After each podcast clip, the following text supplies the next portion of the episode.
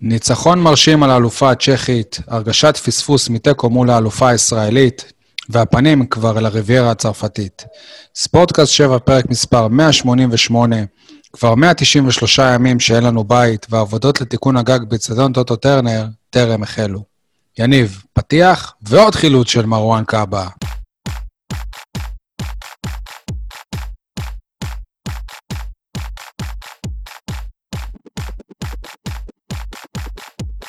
אהלן, יניב סול ואייל חטב, מה שלומכם? וואלה, יותר טוב מטל בן חיים, החלוץ לשעבר. אני אומר שאם אתה רוצה להצליח ככדורגלן, אתה לא יכול להיות כזה נחמד כל הזמן, אתה צריך שיהיה לך מרפקים. מה שמדהים באמת שטל בן חיים היה ידוע כשחקן מלוכלך. כאילו, הוא היה כאילו כזה, מן ועכשיו הסתם הוא... שזה היה בציניות, שי. כן, ועכשיו הוא מתבכיין על אה, כל דבר. אייל חטב, מה שלומך אתה?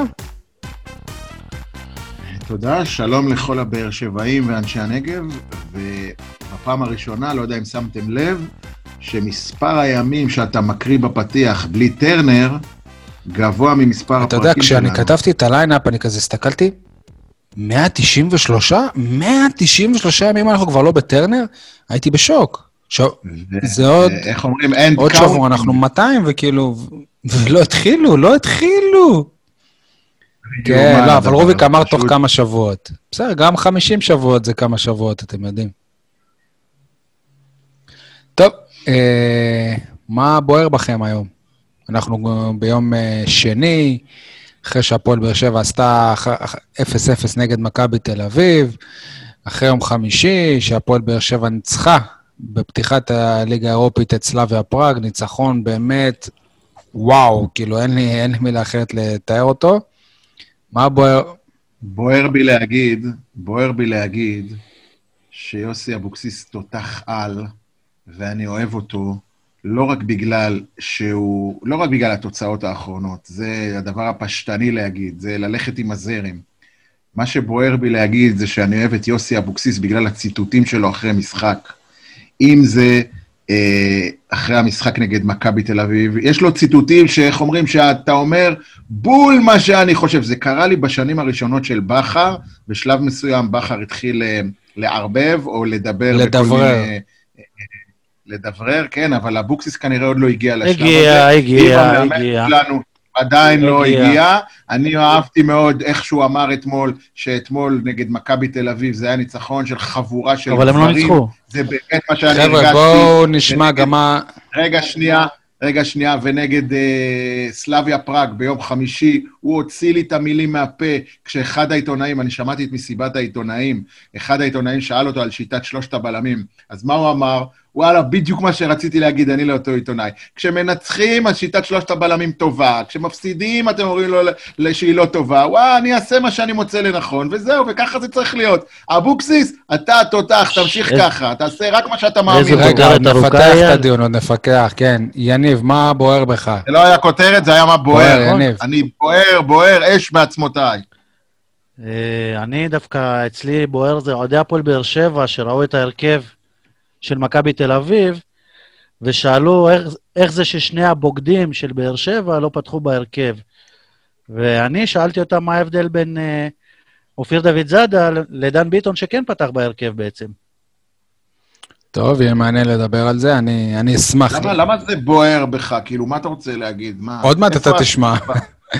אה, אוקיי. יאללה, מה ש- הנחיות למה בוער שנותנים רק כותרת זה שלך. אחרי זה דנים על זה, אתה יודע. ב- בדיוק, בדיוק.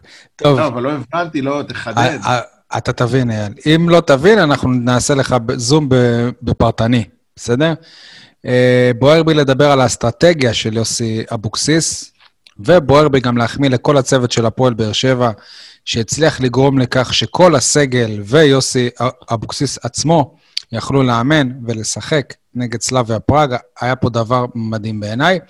אז אה, טוב, מכיוון שאייל, חשוב לך לשמוע את הבעירה של סול, תסביר לאייל. טוב, אז קודם כל, אה, אני לא חושב שהשחקנים בוגדים במשחק, אולי בן ביטון קצת, במושגים של כדורגל, כן? לא, לא באמת. אבל אני לא רואה שום הבדל במעבר של דן ביטון למכבי תל אביב, למעבר של אופיר דוד זאדה. ומבחינת האוהדים, דוד זאדה בוגד ו... ודן ביטון הוא מישהו שהתפספס. גם לא ראיתי את אוהדי מכבי שמדברים על שון גולדברג, הבוגד שפות- שפותח בהפועל לא, באר אבל זה שבע. לא אוהדי מכבי. כן, נכון. הבוגד, בוגד. בקיצור, המעבר הוא אותו מעבר. את שניהם באר שבע לא רצתה, לא יכלה הייתה לה- להביא, אבל איכשהו דוד זאדה הוא בוגד, ודן ביטון הוא התפספס. על שלושתם, הפועל באר שבע היא ויתרה, כל אחד מסיבותיו אה, ש- שלו.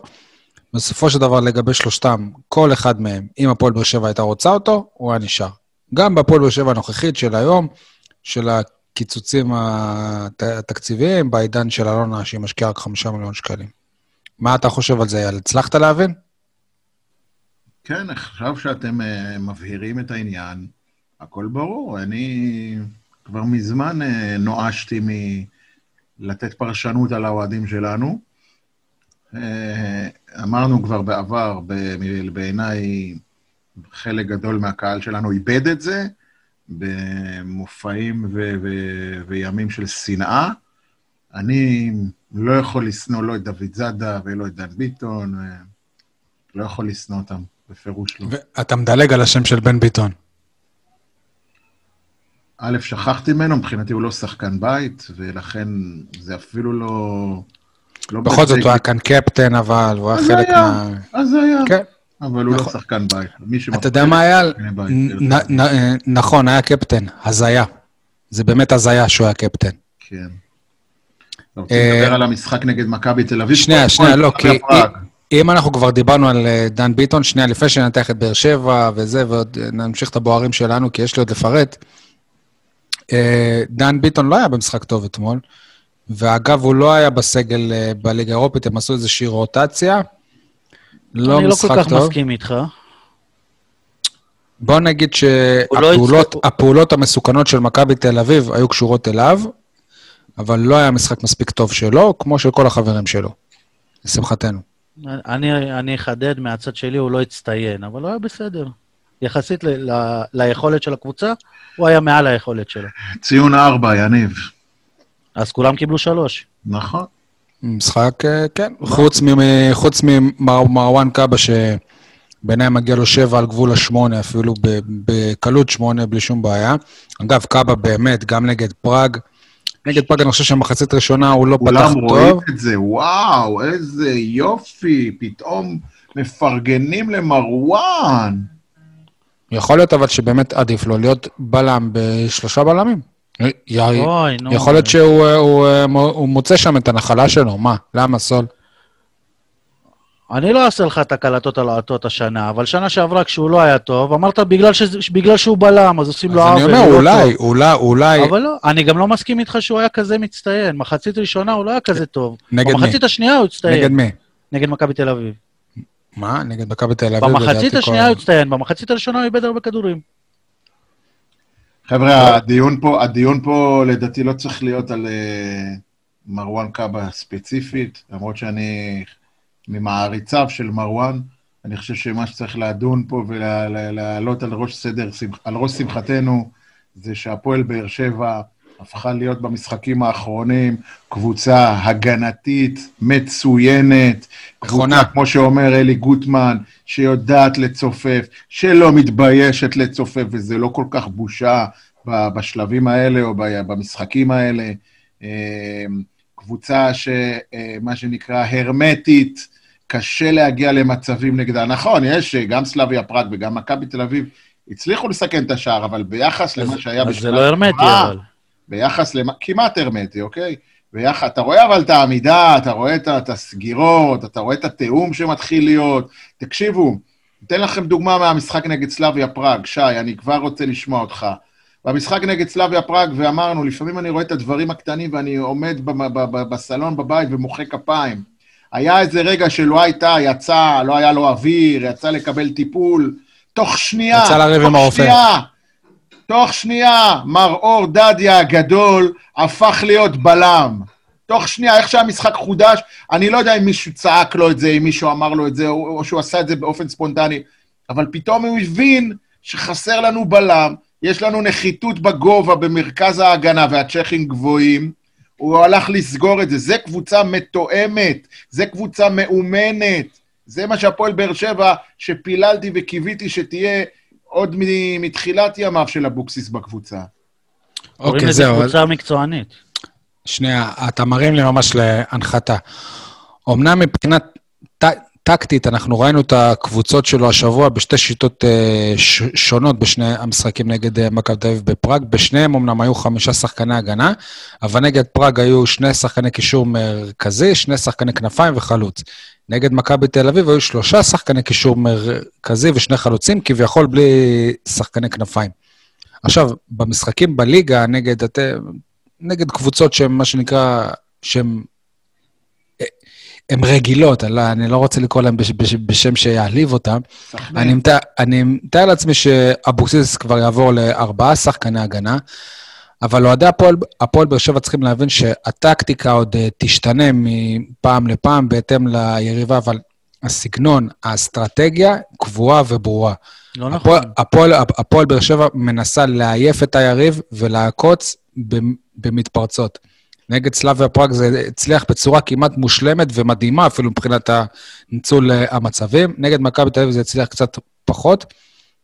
אבל שוב, נגד רוב קבוצות ליגת העל, אני, אני מכין אותנו מראש, שלא נתבאס על זה, זה יהיה קשה לצפייה בדרך כלל עד השער אה, הראשון שיפתח את אה, המשחק, אבל גם יריבות כמו מכבי פתח תקווה, אשדוד, כפר סבא, כן, גם אה, סכנין ודומיהן, יבואו גם הם עם אסטרטגיה זהה, ואז יהיה קרב אה, חפירות.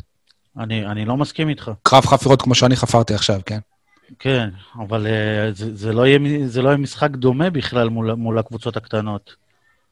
אבוקסיס לא יעלה ב... תהיה נכון, אני אמרתי את זה, אבל הקבוצה שלו בנויה ככה שהיא צריכה, שהיא קודם כל חושבת הגנה, קודם כל אנחנו לא נספוג, וכשהיא תצטרך ליזום מול הקבוצות האלה, תהיה, תהיה, תהיה בעיה, כמו שהייתה לנו בעיה בהרבה לא משחקים בעונה אני שעברה. לא, לא. ראיתי, אה, לא זוכר בעיה מול נתניה יותר מדי להגיע למצבים.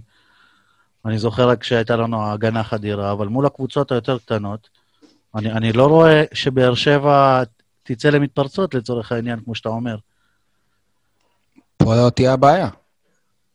לכן אני אומר שזה יהיה קשה לצפייה. מה אתה חושב על זה, אייל? על האסטרטגיה לעומת הטקטיקה? אין לי בעיה, ואמרנו על זה, דיברנו על העניין הזה באחד הפרקים הקודמים.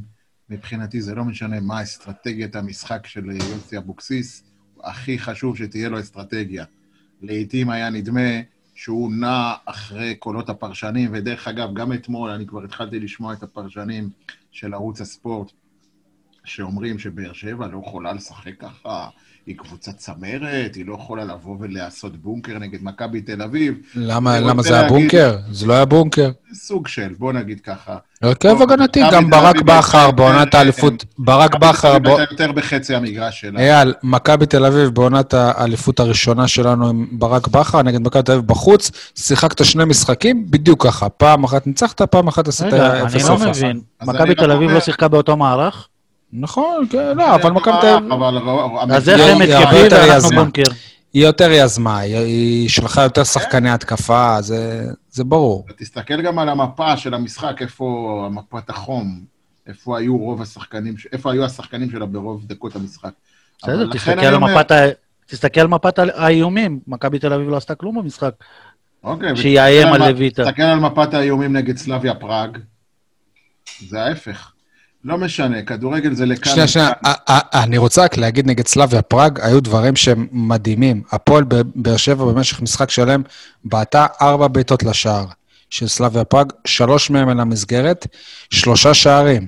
עוד נתון מדהים, אתם יודעים, אני, אני כזה... רגע, אחרי- אתה יודע מה זה מזכיר לי, אבל הנתונים שאמרת עכשיו? מה? דינמו זגרב, רק- רק לרשת שלנו. נכון, נכון, לפעמים זה קורה. אה, ואני רוצה להגיד עוד, עוד נתון. השוער של סלאביה פראג, אחרי איזה יומיים, אני פתאום הצאתי להיזכר מתי הוא נגע בכדור. אז וואלה, ביקשתי מאורי קופר שיבדוק לי את זה, אז וואלה, בן אדם נגע 40 פעמים בכדור, שזה המון, אבל מה מסתבר? 39 מהם עם הרגל. זאת אומרת שהוא היה חלק בהנעת כדור. כפעולה של שוער קלאסית עם היד, הוא נגע פעם אחת. ואם אתם זוכרים... היו החבר- לו עוד שלוש פעמים שהוא נגע בכדור כשהוא הוציא את הכדור מהרשת. בדיוק, אבל זה לא נספר. ואתם זוכרים את, הח... את, הח... את החבר שלנו מצ'כיה שסיפר לנו ואמר שהוא לדעתו יותר מוכשר מפטר צ'ך? תקשיבו, כאילו, סבבה לי, סבבה לנו. סלאביה פראג הופיע בלי שוער למשחק לא. מולנו, לדעתי. יש לו חלק בכל אחד מהשערים, בעיקר, בעיקר, בעיקר בשני האחרונים, אבל גם בראשון. גם זה אני לא מסכים איתך. אני חושב שבשער הראשון הייתה שם אי-הבנה בין אה, הבלם לשוער, שזה יש קורה לו בדרך חלק? כלל...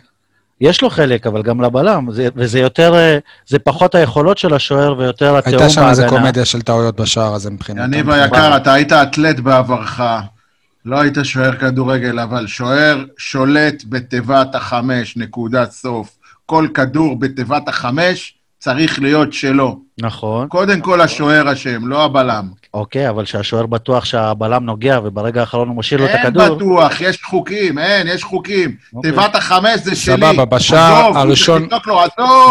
בשער, הראשון הוא מעורב, שער, שער שני, ז'וסווה מרים כדור שאומנם הוא מדויק, אבל כדור איטי ומאוד מאוד מאוד גבוה, ואתם רואים את השוער, תסתכלו בווידאו, יוצא חוזר, יוצא חוזר, בום, קיבל את הגול, ובשער השלישי אה. ראינו את, ה- את המיקום שלו. השער השלישי, המיקום שלו נובע מזה ששחקן איבד את הכדור במקום שהוא נכון, לא היה אמור. לקבל. אגב, גם אה, השחקן הזה זה הכוכב שלהם, דניאל סטנצ'ו, או לא, ניקולה סטנצ'ו. דניאל סטנס... דניאל, אני לא סתם אני אמרתי את השם הזה, הוא היה המנהל המקצועי של עכו איזה תקופה. זוכר. שלהם. כן. אז סטנצ'ו אפילו לא עלה ב- בהרכב, שזה גם נראה סוג של אה, זלזול בהפועל באר שבע, על, על פניו. אני לגבי, רוצה להגיד, אה, אוקיי, יניב, שוט. לגבי אני- המשחק הזה, אני חושב שכולם אה, נתנו הרבה מחמאות לכל מיני שחקנים וליכולת של אבוקסיס והכול, אבל אם לויטה במחצית הראשונה לא ביום טוב, בחיים זה לא מסתיים בניצחון. מסכים איתך, ואני רוצה גם להגיד, כדי לנצח קבוצה כמו סלאביה פראג, אתה חייב יום טוב, אם לא טוב מאוד, של כל השחקנים. אין שחקן אחד שאני יכול לציין בהפועל באר שבע נגד סלאביה פראג שלא היה ביום טוב.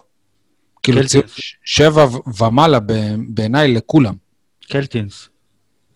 אני מדבר על ההרכב, וקטנס לא, לא, לא היה רע. מה הוא שיחק? דקה וחצי? נכון, בדיוק, מה... אל תהיו חמדנים. אז יכול להיות, אני זוכר אותו מהמשחק מול מכבי תל אביב לרעה. בדיוק, כן. אה, אני רוצה להגיד לכם, ש...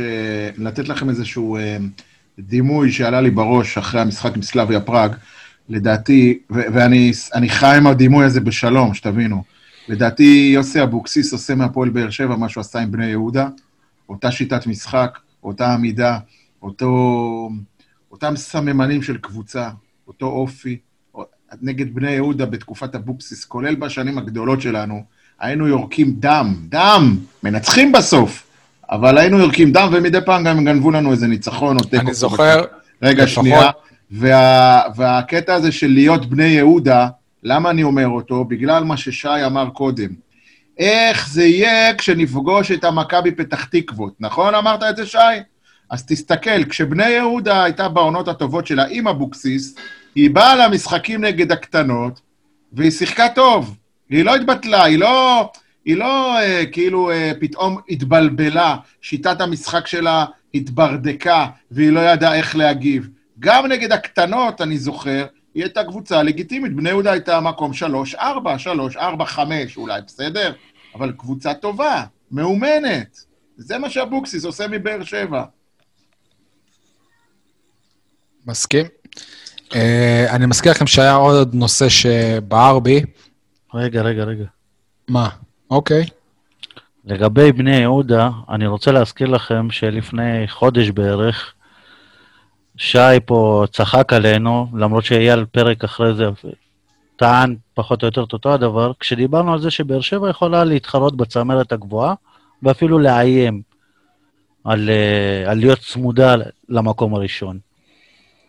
בזמן האחרון, כבר אנשים, אמרנו את זה, אם באר שבע תפגע בזרים שלה.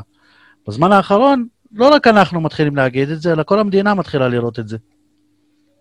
תשימו לב שיותר ויותר אנשים שמים את באר שבע בצמרת ומתחילים לדבר עליה בצורה הזאת. יניב, בכדורגל יש כלל, אתה מנצח, דעת הקהל וה- והלך הרוח איתך. אתה מפסיד, הכל מתהפך. כן, אבל חכה. שי חשב שלא ננצח. בוא נחכה קצת, התחלנו לנצח. אה, נראה מה יהיה נגד ניס, ואחר כך סכנין, ונראה לאן זה הולך, ואז חלילה, לא שאני מייחל שזה יקרה, דעת הקהל עוד יכולה להתהפך. דעת הקהל, דרך אגב, אני מדבר גם על אה, דעת הפרשנים. כל הפרשנים. אני דיברתי על הפרשנים בעיקר. כשאני אומר שיוסי אבוקסיס, אה, בחור כלבבי, מאמן כלבבי, אה, אני לא סתם אומר את זה, גם, גם המודל הזה שהצגתי קודם של בני יהודה, זה בפירוש לדעת מה המגבלות שלך כקבוצה, מה הנקודות תורפה שלך, ועליהם לעבוד, ומצד שני, למקסם את היתרונות שלך.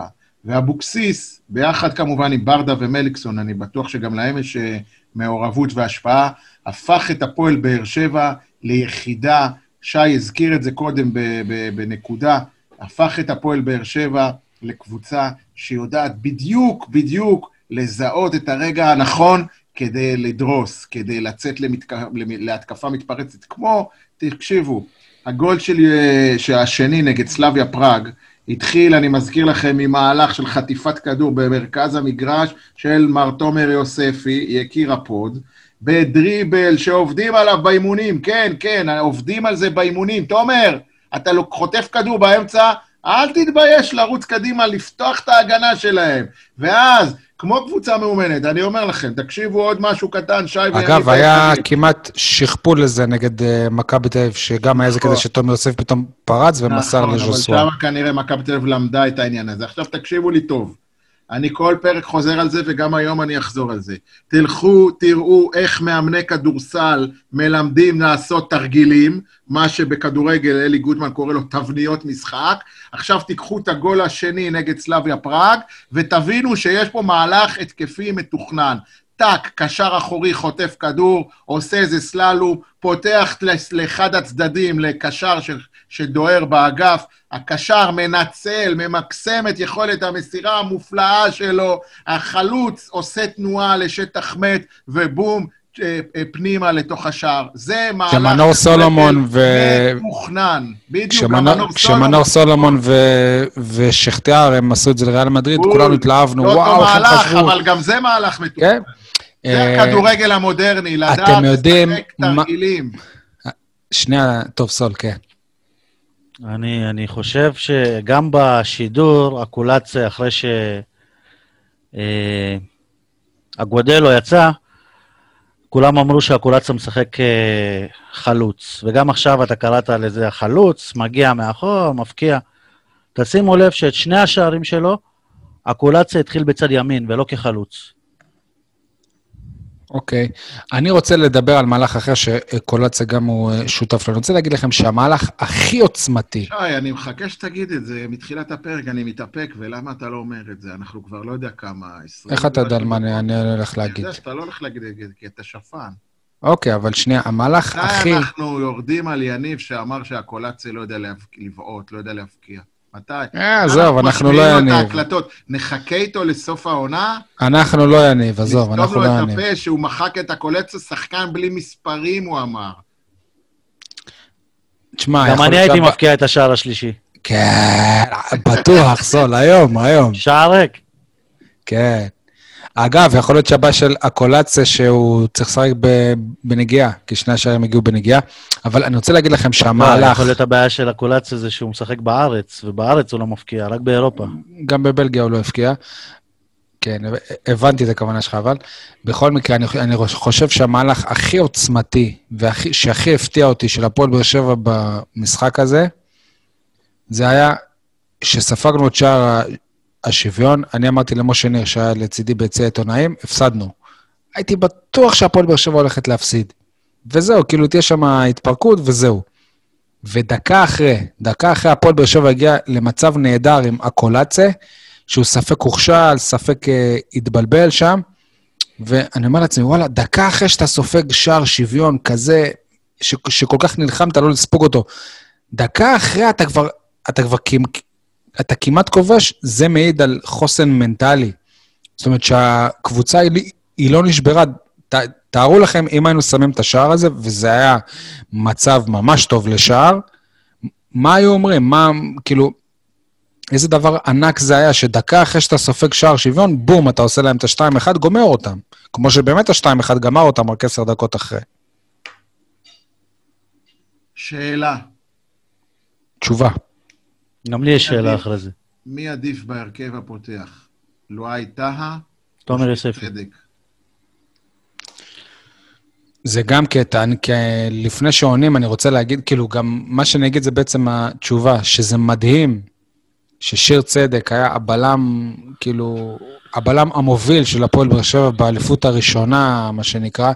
שהיא- בלם נבחרת. שהיא לדעתי גם האליפות הכי, שהכי קשה היה, היה לקחת אותה. אתה אתה יודע, האליפות הזאת אחרי 40 שנה, המחסום הפסיכולוגי, ושיר, ושיר צדק היה הבלם המ- המוביל, אני מזכיר, כאילו גם וויליאם סוארז היה איתו, ושיר, ו, ולא הייתה כבלם שלישי גיבוי, שאגב, במשחק נגד מכבי חיפה הציל לנו את האליפות, כשאלירן עטר כמעט כבש שער ניצחון בטרנר. וזה מדהים עכשיו איך לא הייתה פתאום בלם הרבה יותר בכיר משיר צדק, וכשלא הייתה פתאום יוצא, האוהדים בסטרס, יואו, מה נעשה עכשיו? כאילו, זה מדהים. אז אני חושב שה- שהתשובה שלי ברורה, אייל. אז אנחנו חלוקים. כשלואי טהא יוצא, אני אומר, יש, שיר צדק נכנס. יפה. לא היית- אני, אני חושב לא שאתה הייתה, ב- בלי קשר ב- במיעוט. לקורונה, בלי קשר לקורונה, אני חושב שדווקא בתקופה האחרונה הוא עושה לא מעט חורים, הוא מאבד את החלוץ שלו לא פעם, הוא... לא, אבל זה לא הייתה. אני לא סומך עליו. במאה אחוז. יש לו יתרון, יתרון גובה, ובאירופה זה, זה חיוני, בעיקר... נגד- במהירות. אז לפי מה שאתה אומר, אז יוסי אבוקסיס עושה טעות שהוא אה, הולך עם שיר, אם אה, לא הייתה ולא עם שיר צדק. לא, נגד סלאביה פראג ופלזן, נגד קבוצות צ'כיות פיזיות, לא הייתה מתאים. אבל uh, לדעתי, הרבה מהחורים שם שהיו בהגנה, החורים המעטים שהיו, כן?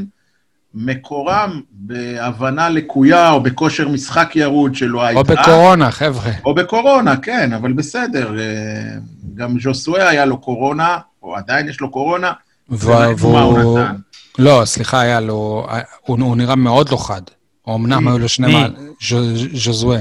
אה, כן, אתה צודק. ז'וסואה נראה מאוד לא חד בעיניי, ולכמה שהוא מאוד לא חד, שני מהלכים גאוניים שלו, מסירה לאורדדיה ומסירה לז'וסואה, הכריעו את המשחק נגד... אני חייב אה, להגיד משהו בעניין... רגע, אני, אבל רגע, רוצה יניב עוד לא לענות על ענה, השאלה. כן. כן. אני, חו- אני חושב שאפשר uh, להגיד ספקולציות מי יותר טוב ומי לא, ובסוף רובנו נגיד את מי שאנחנו מעדיפים, אבל יש גם עובדות.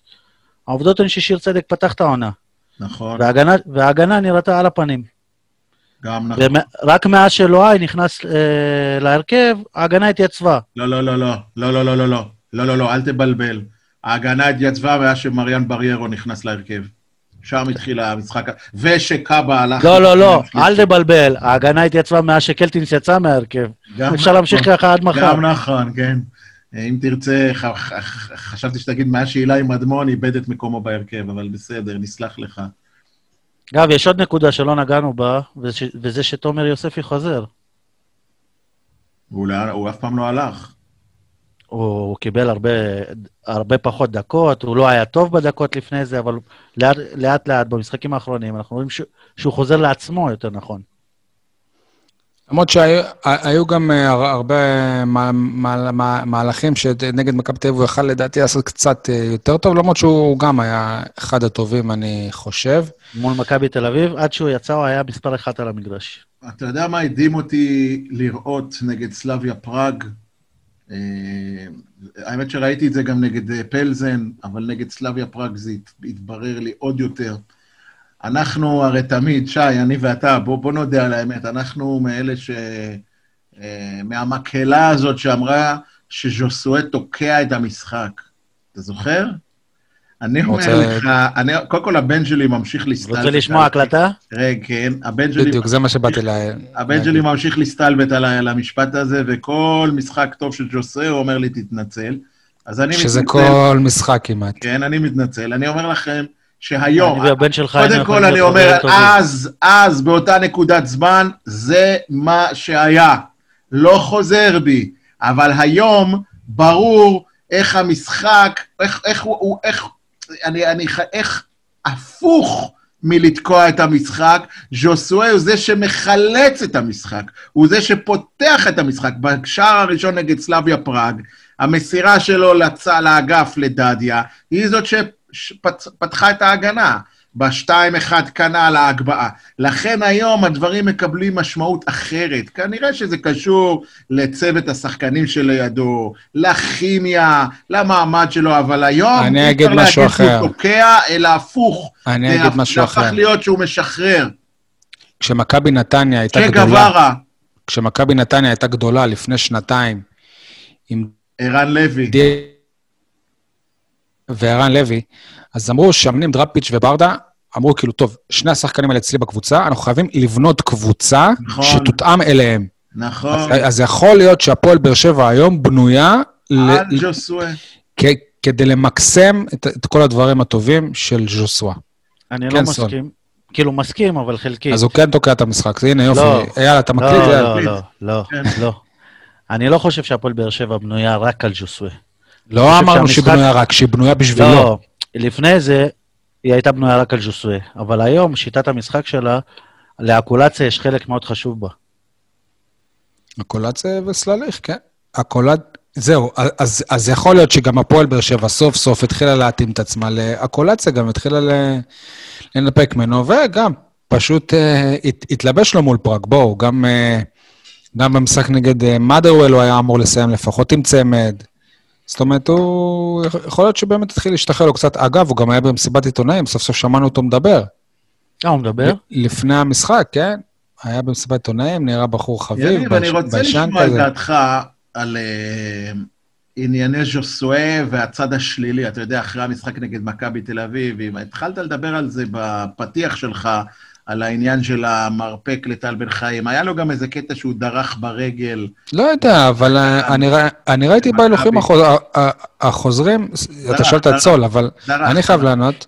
לא יודע. זה שאתה חייב לענות, אתה תמיד חייב לענות. דרך, נו, באלגנטיות, בקטנה, אבל אה, דרך, נו. בסדר.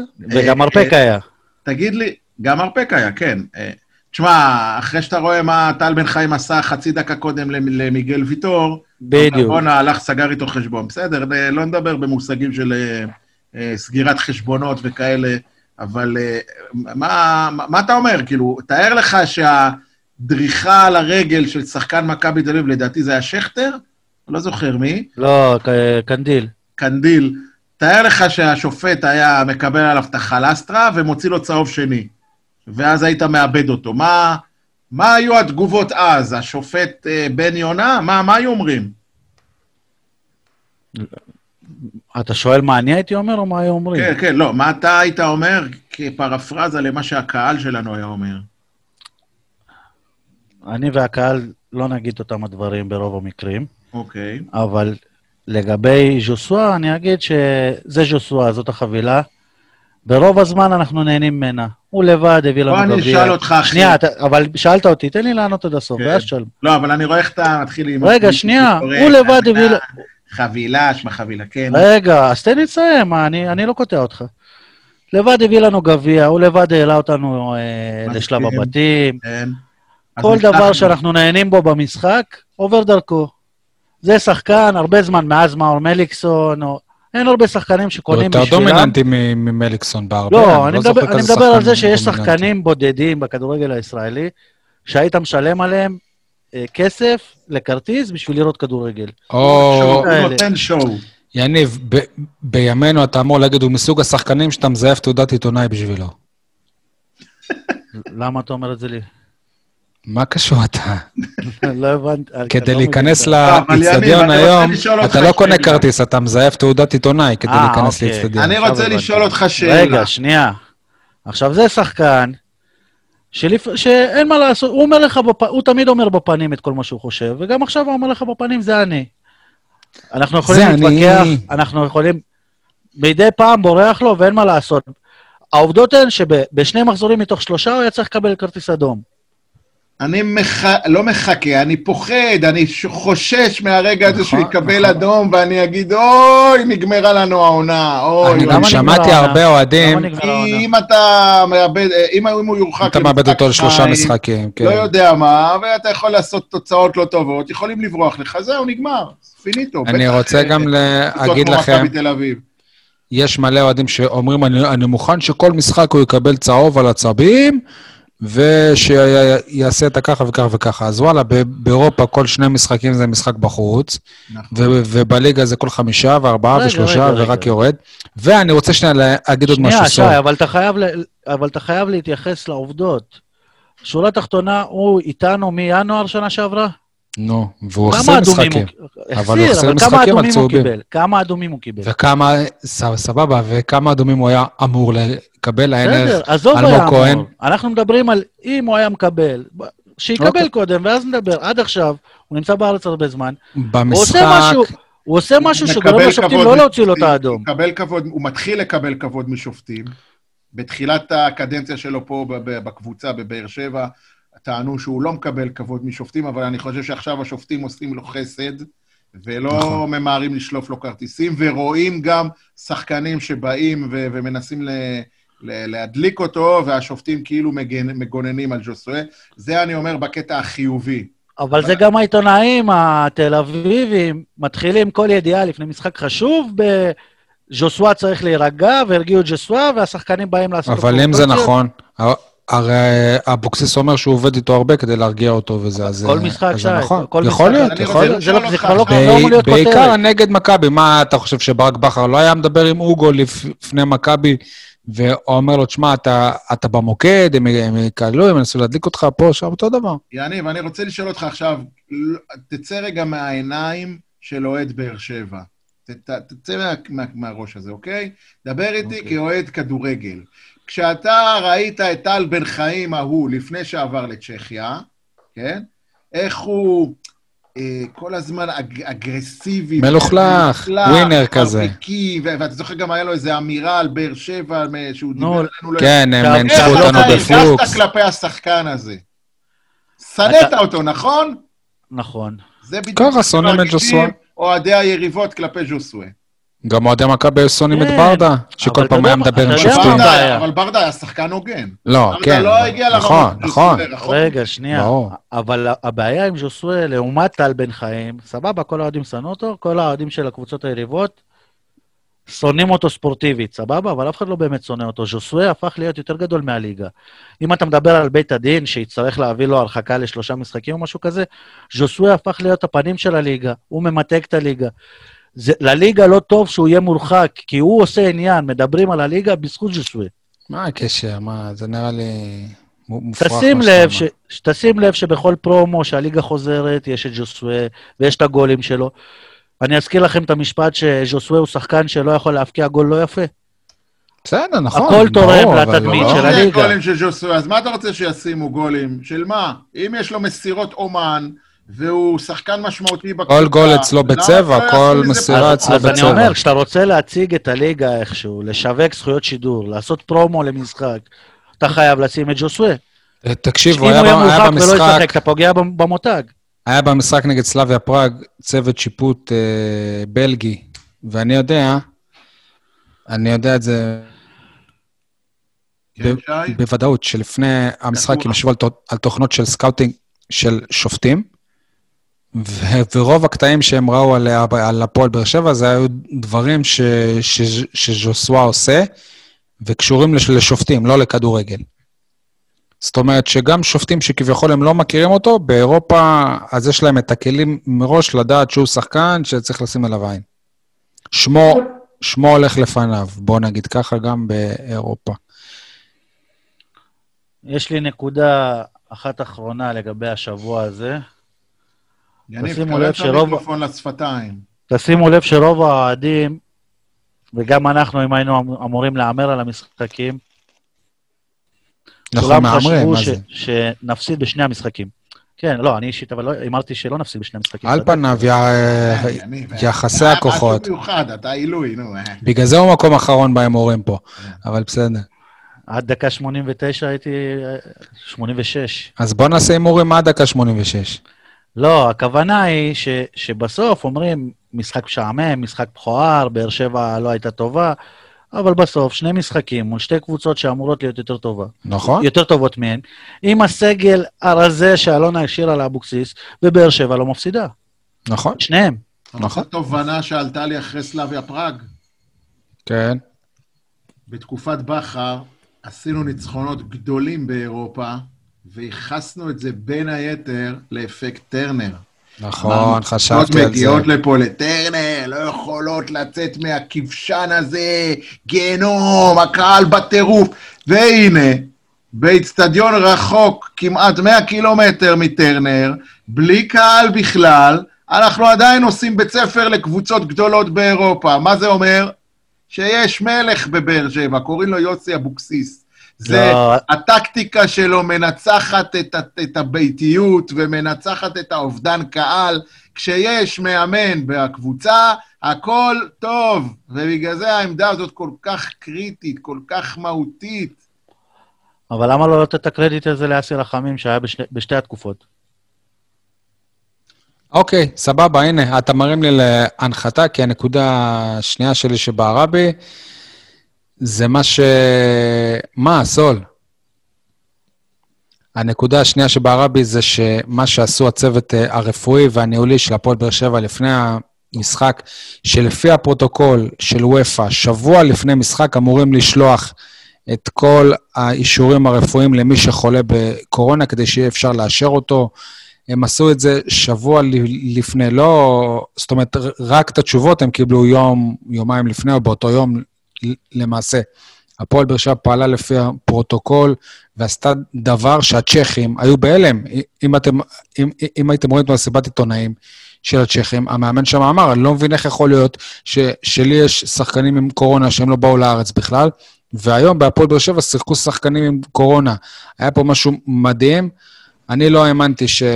אני לא האמנתי שהשחקנים של אה, הפועל באר שבע הם אה, יצליחו, שההנהלה של הפועל באר שבע יצליחו לגרום לכך ששחקנים שהם חיובים בבדיקת קורונה ישחקו, אבל אה, שאפו להם. אתם רוצים להגיד על זה משהו? אני אענה על זה. אני, אני עד עכשיו לא מבין, כאילו הבנתי את ההסבר ש, של הפועל באר שבע, אבל אני מסכים איכשהו עם המאמן של uh, סלאביה פראג. כאילו, אם שחקנים שחיובים לקורונה יכולים לשחק, אז למה עושים בדיקות מההתחלה? ו- ואם יש בדיקות שהם כן יכולים לשחק, אבל אחרי זה, נגיד בצרפת, לא מקבלים חולי קורונה שכבר לא מדבקים, אז הם לא טסים, אז כאילו זה סתם בלאגן אחד גדול.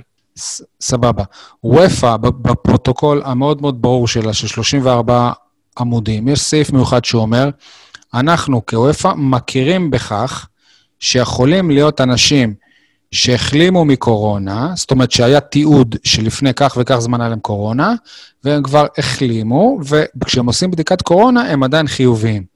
במקרה שכזה, שבוע לפני המשחק, ולא יאוחר משבוע לפני המשחק, אתם צריכים להביא לנו אישורים רפואיים של בדיקת אקו לב, של בדיקת תפקודי ריאות, ועוד כמה בדיקות ואישורים רפואיים, שהאנשים האלה באמת בריאים.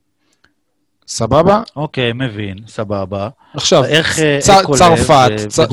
תתקדם, גוטו, נו, מה אתה רוצה להגיד? רגע, שי, איך אקולב ודברים כאלה קשורים ליוסי אבוקסיס? מאיפה אני יודע? אני... אני... לא. אנשים אה, שלא צריכים לרוץ כי אלה דברים שמוכיחים שהבן אדם בריא. שבסופו... שהבן אדם הוא רק נשא עדיין של קורונה, אבל הבן אדם בריא בתכלס. אה, אין לי בעיה עם בריא או לא בריא, יש לי בעיה עם מדבק או לא מדבק, איך יודעים מדבק או לא מדבק. אז, אז לפי משרד הבריאות, אחרי עשרה ימים, אתה כבר לא, אתה, אתה לא מדבק. למה עושים בידוד של עשרה ימים ולא עשרים יום ולא שלושים יום? יש היו אנשים, רופאים, שישבו וחשבו, שמבינים יותר ממני, ממך ומאסר רחמים ומהמאמן של אה, סלאביה פראג, שיבוא בטענות לעצמו שלא פתח עם uh, סטנצ'ו. זה, זה אותם אנשים שאמרו בהתחלה שילדים לא מדבקים, ואז כשנפתחו בתי הספר והיה... אלה הנהלים של וופא. הפועל באר שבע לא עברה על הנהלים, הפועל באר שבע עבדה לפי הנהלים, שאפו באמת גדול, כי אני לא, אני לא. לא, שאפו להפועל באר שבע, אני לא מבין את השיטה. בסדר. ואם זה נכון, אז למה זה לא ככה בכל העולם? למה לצרפת הם לא יכולים לטוס? כי לכל מדינה יש נהלים אחרים. לאוופ"א יש נוהל אחד, אבל גם בכל מדינה יש את הנהלים שלה. אם, אה, אם המשחק הוא לא היה בצרפת, אלא במגרש שהוא, שהוא ניטרלי, גם מי ש, שחיובי לקורונה ויש לו את כל האישורים שהוא בריא, יכל לשחק. טוב. אגב, זה עוד יותר מדהים ש, שהקבוצה נראתה כל כך מאומנת, כשעד לצהריים של המשחק, אבוקסיס עדיין לא ידע מה, מה יהיה הסגל שלו. יכול, יכול להיות ש, ששרון אביטן, אני אומר לך, הוא היה בכוננות. הוא כבר הסתפר, הוא ידע שיש טלוויזיות וזהו. עשה את הקרחת הכי, הכי שווה שלו. טוב, חברים, כהרגלנו בקודש, בשבוע שעבר הבאנו כאן לפוד עיתונאי אה, צ'כי. זה הצליח לנו, כי ניצחנו, אז עכשיו אנחנו מביאים עיתונאי הישר מהריביירה הצרפתית, וינסט מנקיני, from the newspaper Nis Mata. Hi, uh, Vincent, how are you? I'm fine, thank you. And you? We are uh, very glad that you're here. We, We really want- are from the France Riviera, Yeah. so we are jealous. Yes. We really, really want... Beautiful uh, place. The, the best place in the world. I'm sure. I'm sure. Uh, so what happened now in the Rivera, you know, about all the situation with the corona? Yes, so um, Nice is um, it's like a bunker uh, from nine at the evening. We can't go out from nine uh, o'clock to six o'clock at the morning. So it's like a dead city, you know. And all restaurants closed from nine. And if you want to eat something, you can, you need to go at six or seven. And it's the first time of my life. I uh, I never hit at at six or, or seven, so it's very strange. But we have to to adapt and and be and be cool and patient. And it- it's also effect ab- about the game because the fans can can't be in the game because it will be at, Yeah, at night. yeah. Uh, in in Ligue 1, in Ligue 1, in Championship, uh, Nice against Lille, Lille, there was there were uh, 1,000 fans, and for the Europa League, um, there will be no no people, you know, uh, because the game is at nine o'clock, and from nine o'clock we can't go out, so we can't go to the stadium. So it's very strange to to imagine a game, a European game without fan. Uh, I was at Lyon last night for a game against uh, Lyon and um, against Monaco, and it was just incredible. No people, no no sound. Only the no- journalist. Only the yes, journalist. just just journalist, just player, just only coach. But I want to understand uh, um, if the game was Yeah. earlier, for example, uh, seven o'clock, you can uh, uh, enter. Uh, f- I don't think so or not? because the game finished at nine, nine, nine. So Okay, but You- you- if you the game have- was was starting five, so it was okay. ma- yeah, yeah, yeah. At fi- but No, but uh, there is UEFA yes, rules. it's, it's not the same thing. And for the maximum, it's one thousand fan. So the stadium of Nice, it's thirty-five thousand people normally. So it's not for me. It's not the real, really European Cup, you know. You know that in uh, 1,000 in, uh, fans, is, 1,000 fans is the capacity of the Moshava Stadium where uh, Be'er no, Sheva play. no, Eyal, no, Eyal, you think about one, 12, no, but 12,000, but אייל, הוא אומר אלף, אתה אומר עשר אלף. Ah, no, ah, no, he said 10,000. No, It you needs- you no? said needs- one, one, one thousand, right? Yeah, Yeah, just one I- I in, want in, hear in championship, one thousand. 1,000? Yes. Ah, I heard, sorry, I heard 10,000. It's like it's A it's little like, bit different. It's like a friendly game, in friendly game, you know. Yes, I must tell you that in uh, in uh, Israel, it's healthier. It's uh, like that without any fans. All the football okay. in in the league in Europe, you know, and, and it's very very sad. It's But the sad. first, but, but the first game against Slavia, you, you, you can play in, in, in the stadium of uh, Beersheba, yes, no problem. No, No. It wasn't in uh, in uh, Beersheba Stadium because we have a problem with the roof Okay, of the stadium. okay, but where where's the gameplay? We played in Petah Tikva. Petah Tikva It's close to is, Tel uh, Aviv. 10 minutes uh, from Tel Aviv. Okay, It's the center of the. and and, of and, the, and there were some uh, chess journalists or not? Journalist, yes. Ah, Uh, journalists? Yes, in the in the Zoom there was a Okay, and, and, and, and journalists from Prague can come in Israel? no because the I think Yes. that no. Yeah, yeah. They can come, but they didn't want to come. Okay. But the, the country was uh, Ah, okay, we can, you, we, we can come I'm to not the sure. game? I'm not sure that uh, someone from France can can come to Israel. I'm not sure about it. Yeah, I'm not sure. Okay. It depends uh, if uh, which country Okay. it's, uh, it's if it's red country Yeah. or green country. Yeah. Tell Okay. me, and we had the problems with the corona in the squad of the players. In Nice, they are they don't have uh, No, for problems. the, for the moment, no. Some weeks ago, there were Dolberg and Soki and uh, Claude Maurice, but for the moment, it's okay.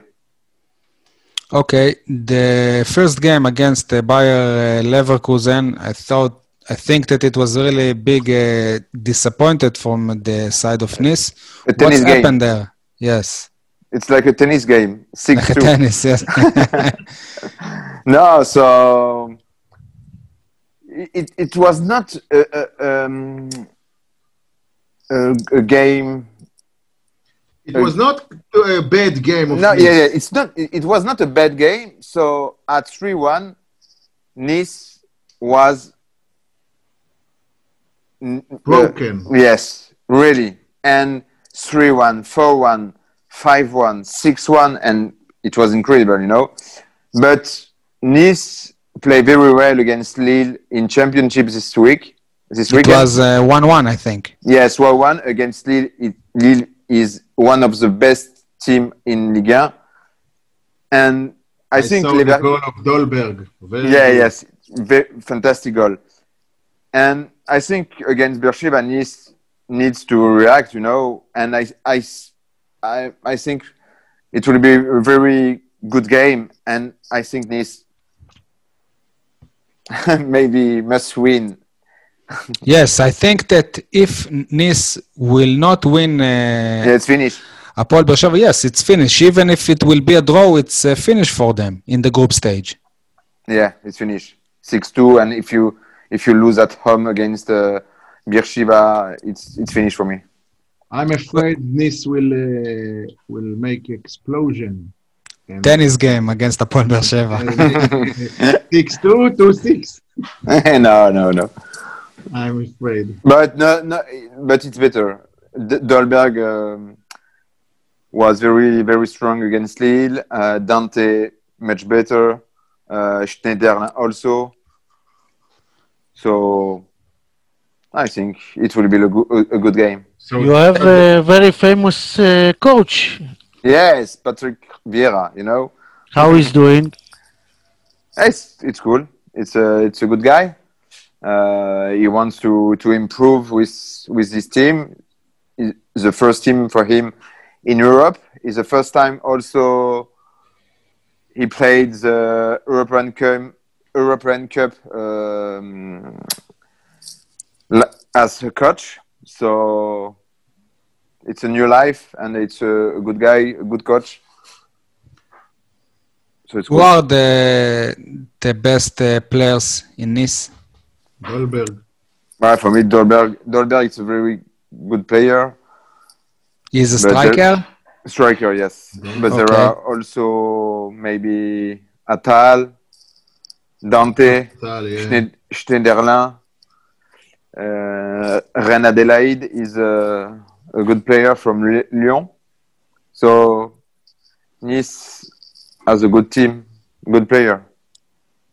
I, I read in the Twitter uh, account of Nice that the fans, uh, it was uh, after uh, Leverkusen, okay, before Lille, and the fans was very angry about uh, the coach. They Yeah. said, they said he have to quit. They said yeah, he doesn't control the team.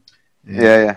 But you know, you you know soccer. You know when when your your team takes six two, you you want to No, but I thought in France there is a gentle, uh, gentle fans, you know, politic, politically Correct. Oh, thank you. Fans of football is same same in all over the world. yeah. No, no, no. In Nice, when you you you lose six two, fans want to to beat the coach, beat the player. it's Okay. a it's a club f- from s- south of France, so it's a hot club, hot fans. You know, That- the, the coaches have a similar uh, place in the field when were when they were uh, players. This, they are uh, they both Defensive, they are um, both uh, midfielder. um, um, midfielder, um, uh, קשר אחורי, שי. Defensive mid Defensive midfielders. Yeah. Yes. Uh, Yossi Abuxis and uh, Patrick Vieira, but uh, of course Vieira is uh, famous. okay. But I think that Yossi Abuxis is a little bit uh, Vieira in Israel. Our coach is a little bit uh, Vieira in Israel. Tell me, please, there are two uh, Algerian players in the squad. In the squad, Y- Yosef uh, Atal and Yusuf, Isham yeah. Ba- Badawi. You, Yusuf Atal and Isham Badawi. You Very think good that player. Yes, you think that uh, there's a situation that that that they will don't want to come to Israel because the situation between the Algerian state and Israel state. I don't know. I can't. I can't talk about this. I don't know really. The game in Israel is in December. Yes. Too too late. So Yeah. I don't know. Really, I don't I know. must tell you that if the if No, I've got. Yusuf and uh, and uh, Isham will uh, ask you, we we welcome them okay. to Okay. come here. We are Thank we you. welcome, but not in the field, outside the Yeah. field. In the field. Uh, Yeah. look, uh, um, before few years, Muhammad Salah, you know him. Yeah. He played in Basel, in Yeah. Swiss, and uh, he makes problem to come to Israel. Okay. He is Egyptian, and Israel and Yeah. Egypt have uh, peace. Uh, um, so, and, and also he said, "I don't want to come to Israel." And after he came, he didn't want to shake hands, and Yeah. a big, uh, big noise of this. So, uh, but Israel um, welcome him and uh, um, appreciate. You know, in uh, in uh, in uh, Apol Beersheva, there's a lot of uh, Muslim pl- players. Yeah. So you know, it's uh, Yeah, okay, okay, but it's but okay. I don't know. For me, it's not a problem. But I don't know. of course, of course. We just uh, tell you that. Uh, Yeah. Tell me, uh, you know, we we have a player that played here in uh, Apol Beersheva that uh, lives on uh, Nice. We talk about uh, Marco Di Costanzo. We remember uh, is uh, He started his career uh, at Nice, if I remember right. Yeah. Yeah. Yeah. What can you tell us uh, about him now? Man, Marco, it's it's a friend of me. So I I, I will meet you tomorrow, and we talk about uh, Beersheva. And uh, I played with Marco in 2010, 2011, 2012, I think. In, In uh, way- In we in which league did you play with him? but it's like uh, regional, you know, uh, like uh, sixth division. And, the ski- Ah, and, okay. and, and it was still good. It was still good. Marco, Yeah. yes, was the best.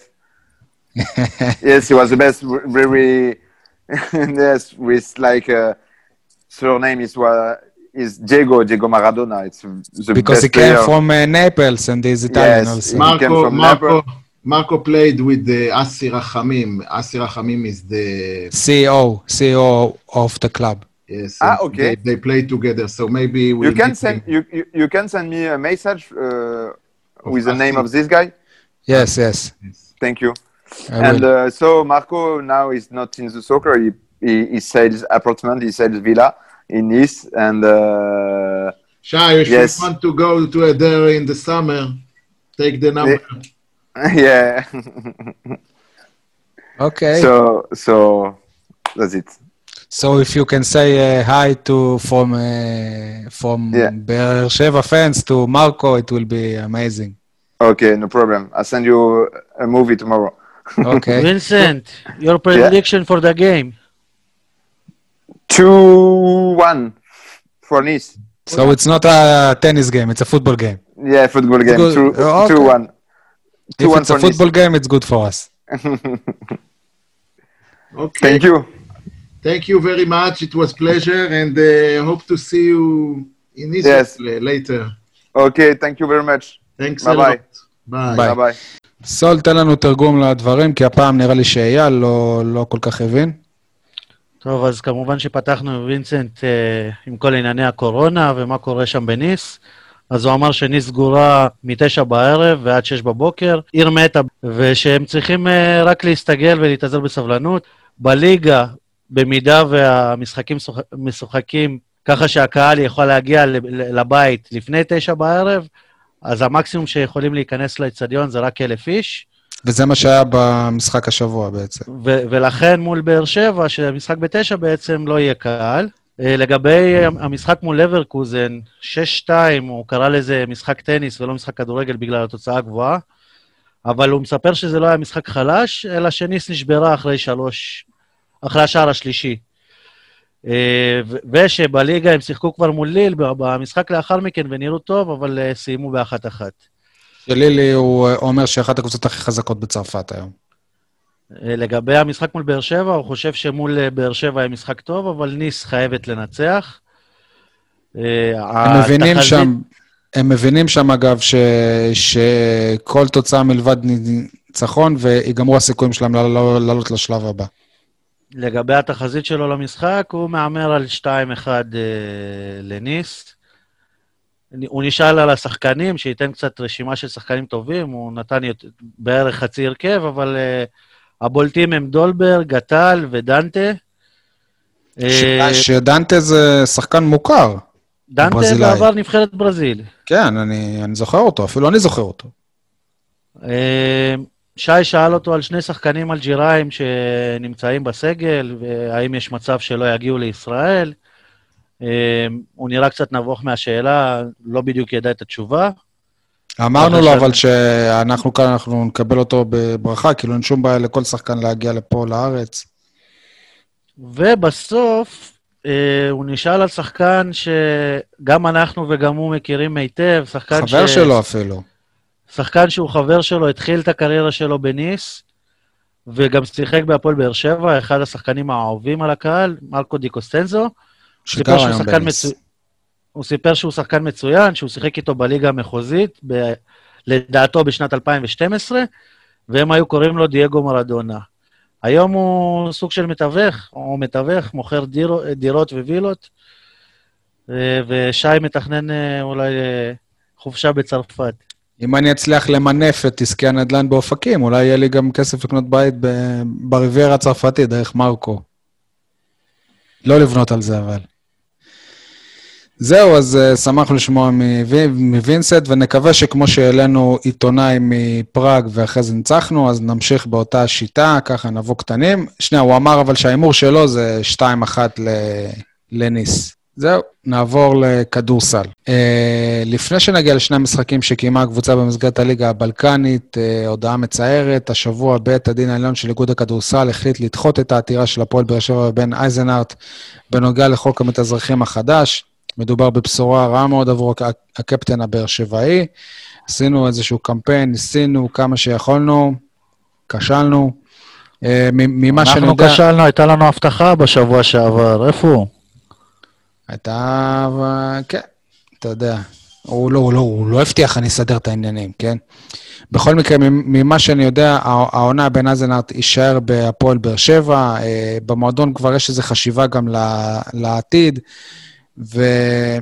ורוצים אותו שם גם להמשך. הם מבינים, לפחות לדבריהם, שלא מדובר בעוד אה, שחקן, חושבים כבר אולי בעונה הבאה במקביל לזה שהוא אה, משחק, גם לשלב אותו בתפקידים אחרים במועדון, אולי במחלקת הנוער. אה, גם מבחינה מקצועית, במועדון אומרים שבעונה שלמה הוא עוד, הוא עוד ישחק, הוא עוד יצליח למצוא את מקומות, תמיד יש כאלה שהם פצועים וכאלה, והוא הצליח לשחק.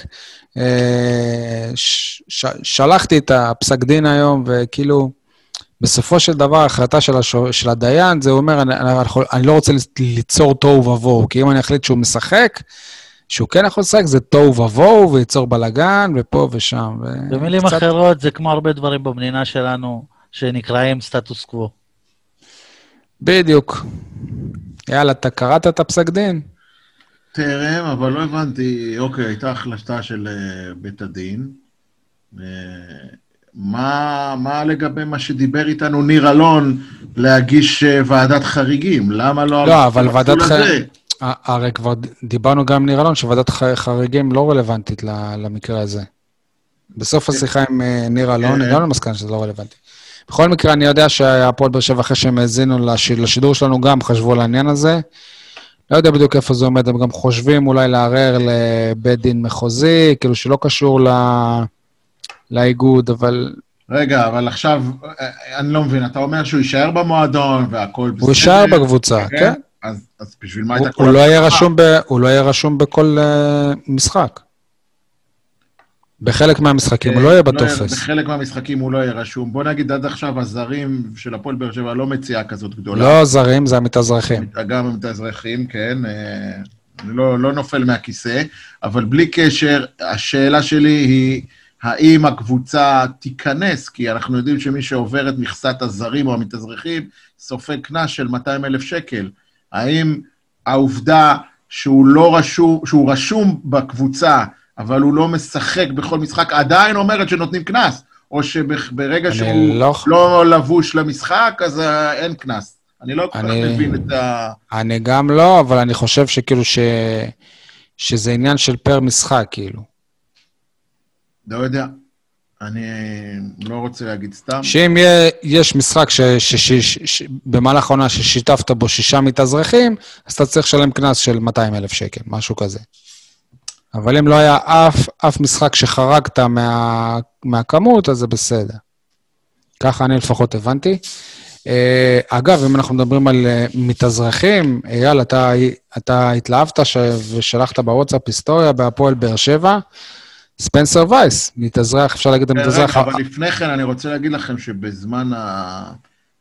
בשני המשחקים האחרונים של הפועל באר שבע, אה, בן אייזנארט שיחק גם נגד ירושלים בחוץ, בזמן המשחק עם סלאביה פראג, וגם נגד ראשון בחוץ, בזמן המשחק עם מכבי נגד ראשון הוא. שיחק איזה 17 דקות, נראה לי. כן, הוא קיבל דקות משמעותיות, ואני אומר לכם, אני ראיתי את המשחקים האלה, הוא גם, אה, גם אה, נתן אה, תפוקה, בוא, במונחים של בן אייזנהרדט, לקלוע ארבע נקודות ו- ולקחת כמה ריבאונדים, זה, זה תפוקה לא רעה. אז רק ליג- נגיד ליגה. בלקנית, אבל זה- אה, קומפלימנט. כי הליגה בליגה הבלקנית זה חוקים אחרים. אין הגבלות, והפועל הפועל באר שבע בארנה בירושלים הפסידה 77-90 ביום חמישי, ביום ראשון הפסידה 85-89 לראשון לציון, וזה מוביל אותי לנושא הבא של למה בן אייזנארט שיחק כל, כל כך הרבה, במסגרת האכזבה הגדולה מטיילור בנקס, שאם כן. אני מבין נכון, בנקס. ג'יימס בנקס הוא לא צפוי להישאר בהפועל באר שבע. כן, שמענו היום כמה דיווחים על העניין, גם אפשר היה לראות את זה בדקות... הוא שיחק איזה ארבע דקות נגד ראשון, כן, משהו אה, כזה. מצד אחד אומרים שהוא מוכשר, מצד שני רוצים לחתוך אותו. טוענים שהוא צעיר ולא הצליח להשתלב, וחסר לו עוד כמה שנים כדי שבאמת יצליח לממש מזכיר את לי קצת את. מקרה ג'ימי מרין, ואני לא אומר את זה בקטע טוב, כן, יניב, ומצד שני, אני חייב להיות הגון וכנה, שבשני המשחקים האחר- האחרונים, גם נגד ירושלים וגם נגד ראשון, מי שנראה שסוף סוף הבין את מקומו, כנראה שהיה צריך לפנות לו את העמדה, את המקום, זה היה אריק גריפין, אה, שהיה באמת, אה, היה ז'וסואה, היה ז'וסואה. למרות שהפסדנו, כן? למרות שהפסדנו, אבל הוא שזה- עשה, נתן הצגות, עשה מהלכים, רואים שהוא פיגורה, עם ביטחון, מהלכים חלקם אפילו וירטואוזיים, אה, לא, לא מהסס ללכת אחורה, לזרוק שלשות, לוקח ריבאונדים, נלחם, מרביץ, שורט, ויש לו גם כדורסל, הוא לא רק אה, אה, נושך, הוא גם יודע ל... לשחק, אה, מה שנקרא, עם יכולת וירטואוזית יחסית לגובה שלו. אה, ומה אתה, אתה גם סול, מה אתה חושב על זה? מה זה עשה לך כששחקן בהפועל באר שבע לראשונה מוזמן לסגל נבחרת ישראל? אני ספציפית לגבי ספנסר וייס, לא, לא תמיד תפסתי ממנו כאיזה עילוי. אז אני לא, לא רואה, אני לא רואה הוא את לא זה אלוהי, שמכל... אבל הוא ישראלי הבכיר בהפועל באר שבע. כבר שנת, כאילו זאת העונה השנייה. שהוא מתאזרח, הישראלי נכון? הבכיר. כן, ישראלי בכיר. אז אני אומר שמכל המתאזרחים בארץ, הוא לא, הוא לא המתאזרח הכי ב- בכיר, ולכן זה מפתיע אותי קצת, הזימון הזה. לא משנה, זה לא. שעושים איזה תחרות מי המתאזרח הכי לא. בכיר ובוחר. אני אגיד לך למה זאת כן תחרות, כי בנבחרת, אם אני לא טועה, מותר כן, לשתף רק יש אחד. כמות, כן. אז אם יש לך כבר איזשהו יתרון שאתה יכול לשתף אחד, אז תיקח, ואתה רוצה לנצח בנבחרת כמובן, אז תיקח את הכי טוב. מצד שני, לא תמיד המתאזרחים רוצים להגיע לנבחרת. לא, שזו לא, גם זה בעיה. תשמע, אני לא יודע אם... לא מהסוג הזה. אני לא יודע באמת אם ספנסר וייס, כאילו, יהיה חלק מאיזה, קמפ... כאילו, מ... יצא לאיזה טורניר או משהו, אבל עצם זה ששם של שחקן בהפועל באר שבע, הוא בנבחרת, זאת היסטוריה, וזה זה מרגש, ספנסר מכוון את וייס היה. כבר בנבחרת הצעירה לפני הגעתו לבאר שבע, ועכשיו זה נראה אך טבעי ששחקני הנבחרת הצעירה ימשיכו מתישהו גם לנבחרת הבוגרת. כרגע, איפה, איך שלא תסתכלו על זה, הוא השחקן מספר אחד שלנו, מכל, בכל קנה מידה. אה, בלי קשר שהבנתי שעודד קטש... כולל הזרים? כולל הזרים, כן. אה, בעיניי לפחות, הוא השחקן הכי גבר בקבוצה, והשחקן שנותן תפוקה הכי גבוהה, והוא השחקן שעושה הגנה מטורפת, למרות שהוא בעל יכולות התקפיות מצוינות. אני אוהב את ספנסר וייס, אה, מגיע לו להיות בנבחרת. אם אני יכול להשוות אותו לצורך העניין, הפועל באר שבע שיחקה נגד ראשון לציון, ומי שראה את המשחק בראשון לציון שיחק גולן גוט, הבן של דני גוט, אפרופו השיחה עם... אה, אה, לא, בעצם לא, לא, בלי שום אפרופו. אה, הבן של דני גוט פשוט תפר אותנו אתמול עם 31 נקודות. זה היה מפחיד, הבן אדם מכל עמדה זורק, בום, פוגע, איזה קלעי. אז אה, ספנסר וייס הוא, הוא קלעי, לדעתי קצת אחר מגולן גוט. הוא צריך שיסדרו לו את התרגיל, יסדרו לו את ה... אבל אה, גולן גוט, אה, להיות אה, יוצר לבד, כאילו. כן. טוב, אתם זוכרים את עדי כהן סבן? בטח. בטח. שיחק נגדנו גם 17 נקודות, כלה 6 במדי ירושלים, כן? שאמרו שהוא הולך להיות רכז שלישי וכולי. שיחק 17, דקו, 17 דקות, כלה 6 נקודות, חילק 4 אסיסטים, וואלה, נראה שהוא משתלב יפה, ואני רוצה להגיד לכם שבניגוד לשבוע שעבר, שהייתי מאוד מאוד פסימי ומודאג מה, מהעניין של, אה, מהרמה של הפועל באר שבע, אה, אני חייב להגיד לכם שלמרות שהפסדנו גם לירושלים וגם לראשון, בואו, זה שתי קבוצות שיסיימו את העונה במקום 2-3, אני לא מתחייב לגבי הסדר. זה לא הליגה שלנו, או מקום אה, עוד- ראשון גם. ירושלים תמיד היא נאבקת על אליפות, לפחות מבחינה אני- הצהרתית. אני שמח שאתה תמיד פרק אחריי אומר את אותם הדברים. ברור, אבל- אני- בעיקר בכדורסל, אני מאזין לך ואז ממחר. לא, אני אמרתי בשבוע שעבר שאני אופטימי לגבי הקבוצה הזאת, שכולם היו אה, בדאון, אוקיי. אבל, אבל, יש אבל. הנביא, הנביא יניב. אייל, אתה חייב להגיד את האבל, אבל במשחק האחרון, אם אני לא טועה, הקבוצה הובילה ברבע הרביעי? הובילה באיזה- לא, לא רק ברבע הרביעי. עשר הפרש נראה לי, איזה שבע נכון, דקות בדו לסיום. ספרתי, ועדיין לא הפסידה. היה עשר הפרש. הובלנו אבל כמעט לכל אורך המשחק. כן, זה מחיר של סגל קצר, זה מחיר של קבוצה חסרת ביטחון. דרך אגב, גם שם הכלב אגדה יצא בחמש עבירות, שהוא כביכול גם כן שחקן מוביל שלך.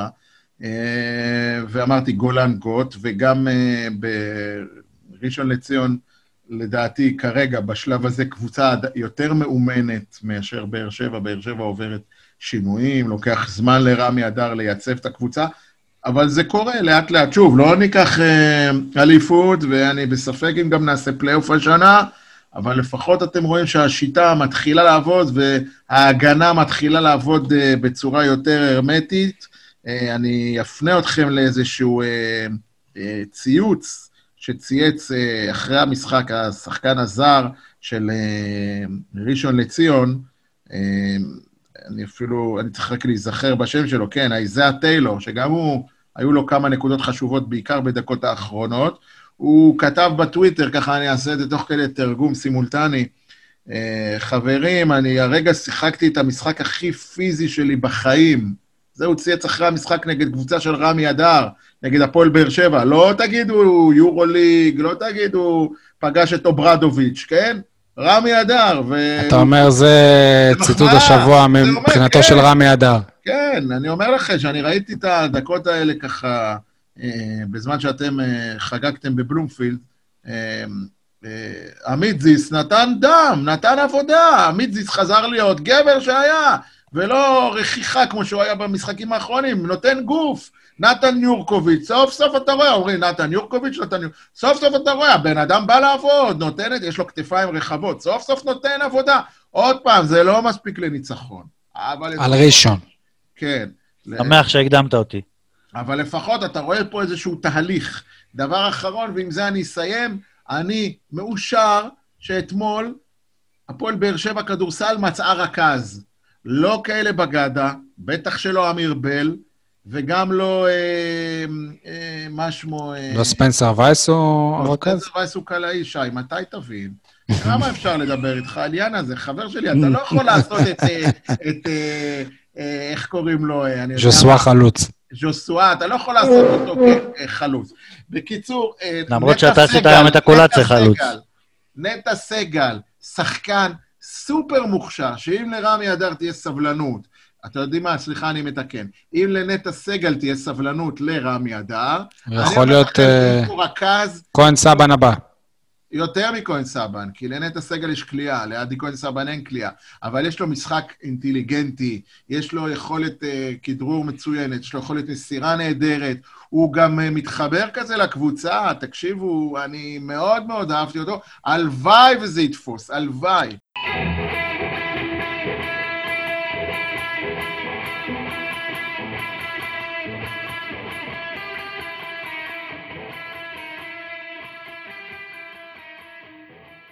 טוב, הגענו לפינות שלנו, ונתחיל כמובן, כהרגלנו בקודש, עם זרקור על. אז בזמן שהפועל באר שבע בכדורגל מביא לנו הרבה כבוד באירופה, השבוע ענף הכדורגל שלח נציג נוסף ליבשת, אז אה, אהלן, שופט הכדורגל הבאר שבעי, שניר לוי. מה המצב, שניר? אהלן, שי, מה שלומכם? ערב טוב. אנחנו, ברוך השם, הכל בסדר. אתמול אני ישבתי בבלומפילד, יצא עיתונאים, אנחנו מקבלים הודעה מההתאחדות. שניר לוי, שלנו, הופך להיות uh, שופט uh, בינלאומי. אבל איפה זה תפס אותך? רגע, שנייה, פ... שניר, שמת לב שפעם ראשונה הציגו אותך כשניר לוי ולא שניר לוי הבן של. כן, האמת שהיום בשש בערב הייתי, גם דיברתי ברדיו בתוכנית, וגם התחילו עם הבן של, אז אה, זה באמת פעם ראשונה. אנחנו אה, לא, אתה אבל- רואה? ת- ת- ת- תפרגן לנו, כן. לא, לא, בוא נעשה את זה אחרת. איך קוראים לאימא? נכון? אימא זיווה, הבן יפה. של זיווה. אז הבן של זיווה, הבן- כן. אה, זיווה- אז איפה זה תפס את אה, הבן של זיו, ההודעה הזאת? אה, האמת שעוד פעם, זה משהו שהתבשל, והיו, קדמו לזה קצת אה, מבחנים והכנות, היו כמה מועמדים, וציפיתי להודעה ל- לכאן או לכאן, בדיוק סיימתי אימון, האמת, ולירן וקסברגר, יושב ראש ועדה מקצועית, התקשר אליי, אה, בישר לי שהוועדה החליטה להמליץ עליי לתג הבינלאומי, להחליף בינואר הקרוב כנראה את אה, איתן שמואלביץ', לצאת לקורס. אה. וזה רשמי או שעדיין מחכים להחלטה של עבר? לא, זה... עבר לא התערב באירוע הזה. תגיד לי משהו, בן כמה אתה, שניר? אני בדצמבר הקרוב אהיה בן 20 אהיה בן 27. יפה מאוד. אה, כולה לפני שנה, בקיץ שעבר, אה, על- עלית ל- לליגת העל, וזה גם, אני חושב, ב- בגיל צעיר, תתקן אותי אם אני טוען, נכון? בגיל 26 לעלות לליגת העל זה יחסית צעיר. אה, בגיל 25-6, כן, לעלות לליגת העל זה צעיר, זה לא הכי צעיר, היו צעירים ממני. אה, אוקיי. אבל כן, זה זה אה, גיל די צעיר. זה? האמנת אבל שכבר אחרי שנה, כשאתה בסגל של ליגת העל, טאק, אח- אח- אחרי שנה אתה מקודם כבר לבינלאומי? אה, לא, האמת שלא לא חשבתי על זה בכלל, אם אה, לומר את האמת, אבל אה, אתה יודע, יש אה, דברים בחיים, יש איזה גם עניין של טיימינג, אה, אתה יודע, בנוסף לכל הקריטריונים מסביב, הגיל וה, והמשחקים שהיו לי בעונה הקודמת ובתחילת העונה הזאת, אז גם אה, הגיע שלב שהוועדה החליטה החלטה שהם אה, רוצים להצעיר את, הס- את הסגל, אה, ואיתן שמואלביץ', אה, ב, אתה יודע, במחווה לויאלית כזאת וחברית, כי הוא יכל להמשיך עוד איזה שנה כשופט בינלאומי, החליט לפנות את המקום לשופט יותר צעיר שזה אני. וואלה, אה, זה דבר מדהים מה שאתה אומר פה. כאילו, כן. זה משהו ש... וואלה. זה לא. משהו ברור מאליו. אבל רגע, שניר, אני, אני חייב לדעת, כאילו, מבחינת ה... נקרא לזה הקידום, עכשיו אתה כביכול, מהעונה הקרובה תהיה שופט בינלאומי, זה אומר שאתה, לצורך העניין, תשפוט משחקי נערים ב- בין אה, בורוסיה דורטמונד לשלקה במסגרת אירופאית, או שאתה כבר מראש תתחיל בבוגרים. אז זה אומר שקודם כל אני אמור לעשות. קורס, אה, שבדרך כלל הוא קורה בסוף ינואר, תחילת פברואר. איפה עושים אותו? אה, כל פעם במקום אחר, ככה שמועות ששמעתי, הבנתי שזה יהיה כרגע בקפריסין, אתה יודע, זה גם תלוי ב... איזה באסה אם זה יהיה בזום, אה? כן. עם הקורונה הזאת אי אפשר כבר לדעת כן, איפה זה כן. יהיה ואיך זה יהיה. כן. אה, אבל אה, זה אמור להיות באזור ינואר-פברואר כזה, קורס של בערך חמישה ימים, של כל מיני מבחנים, חוקה, כושר וכאלה. ואז אתה מוסמך כשופט בינלאומי, ומתחיל את התהליך, אבל התהליך הוא מתחיל בדרך כלל מנבחרות, under 17, under 19, ו- וכל מיני אה, ליגת אלופות לנוער, כמו שתיארת, אה, ואחרי זה אתה עולה בשלבים, ויכול להגיע, כמו שאתם רואים השבוע, אוראל גרינפלד שופט המשחק, אני חושב הכי חזק שיש המחזור בליגת אלופות, בדיוק, המשחק של ריאל, נגד מה שגדל כן. נכון. אז זה החלום, זאת השאיפה, כאילו, ליגת האלופות? לא, החלום זה לשפוט משחק במונדיאל. תגיד לנו אתה. שמע, ליגת אלופות, אני לא חושב שזה נופל למונדיאל. נכון שמונדיאל או יורו זה איזה טורניר יוקרתי וארוך, וזה, כמובן שזה חלום מטורף, אבל uh, ליגת אלופות בהחלט לא נופלת מזה. ללכת לשפוט את ריאל מדריד או ברצלונה זה... אני אגיד לך מה, אה, היום באמת ליגת האלופות זה מותג חזק, אבל ליגת האלופות יש כל שנה. מונדיאל יש פעם בארבע שנים. זה ושופט ישראלי במונדיאל לא היה עשרות שנים. כן, היה היה- בשנות... כן. ממש ישן. כן. אני חייב לשאול שאלה, למה... הבטחנו שלא נדבר על אבא, אבל למה אבא לא היה שופט בינלאומי או ש... היה. הבעיה שופט יכול בינלאומי. היה- לא, היה. שנייה, אבל זהו, אז את- אתה מוביל אותי למשהו. נגיד, בארץ הוא היה שופט תותח, אבל הוא לא הגיע כמו גרינפלד וכאלה לרמות אירופאיות גבוהות. אתה רוצה להוסיף משהו, שי, או שאני אענה על זה? כן, אני זוכר שהיו פרסומים, כאילו, וזה היה אז כאילו די, כאילו זה היה, לא יודע, אתה היית ילד, אני לא יודע אם אתה זוכר את זה, היו פרסומים שמאיר כאילו לא הצליח לעבור איזה מבחנים באנגלית או משהו, ואני, ואני לא הולך לשאול אותך על זה, אלא אני הולך לשאול אותך על העניין, שהאם אתה כבר מגיל צעיר, זאת אומרת, פיתחת את עצמך גם בקטע הזה של חלק מהעניין של אני, אני עכשיו בן 18, ואני חייב לדעת אנגלית, ואני חייב ללמוד, ואני חייב תואר. אני בטוח שאתה כבר עם תואר, שאתה סטו- סטודנט למשהו, נכון? כן, אני שנה רביעית עכשיו אה, סטודנט לחינוך גופני. אה, יפה. אז, אז זהו, אז, אז זה משהו שבאמת כאילו מגיל צעיר אתה אומר, אם אני רוצה להיות שופט, אני חייב להיות מ- מלומד? קודם כל, כן, גם המלומד וגם הנושא של האנגלית, ו...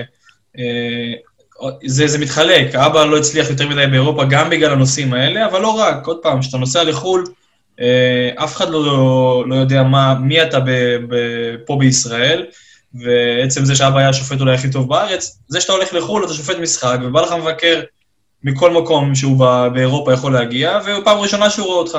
וגם לא הטבלה של, מה ה, אתה. של הציונים היא, היא אה, נפרדת. זאת אומרת, בציונים אתה יכול להיות מספר אחת בארץ, אבל אם באירופה הציונים שלך הם לא טובים, אז אתה לא, אתה לא תקודם.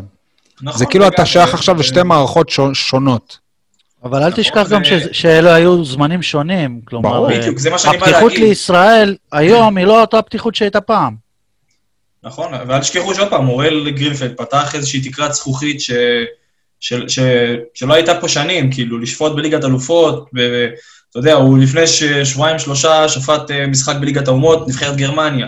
היום ריאל מדריד, אתה יודע, זה כבר דברים שלפני כמה שנים היית אומר, אנשים אומרים לך, שופט- צוות ישראלי זה לא, לא ריאלי, אה, ואתה רואה שהוא מגיע למקומות שבאמת השמיים הם בגבול. זה נותן גם לנו תיאבון.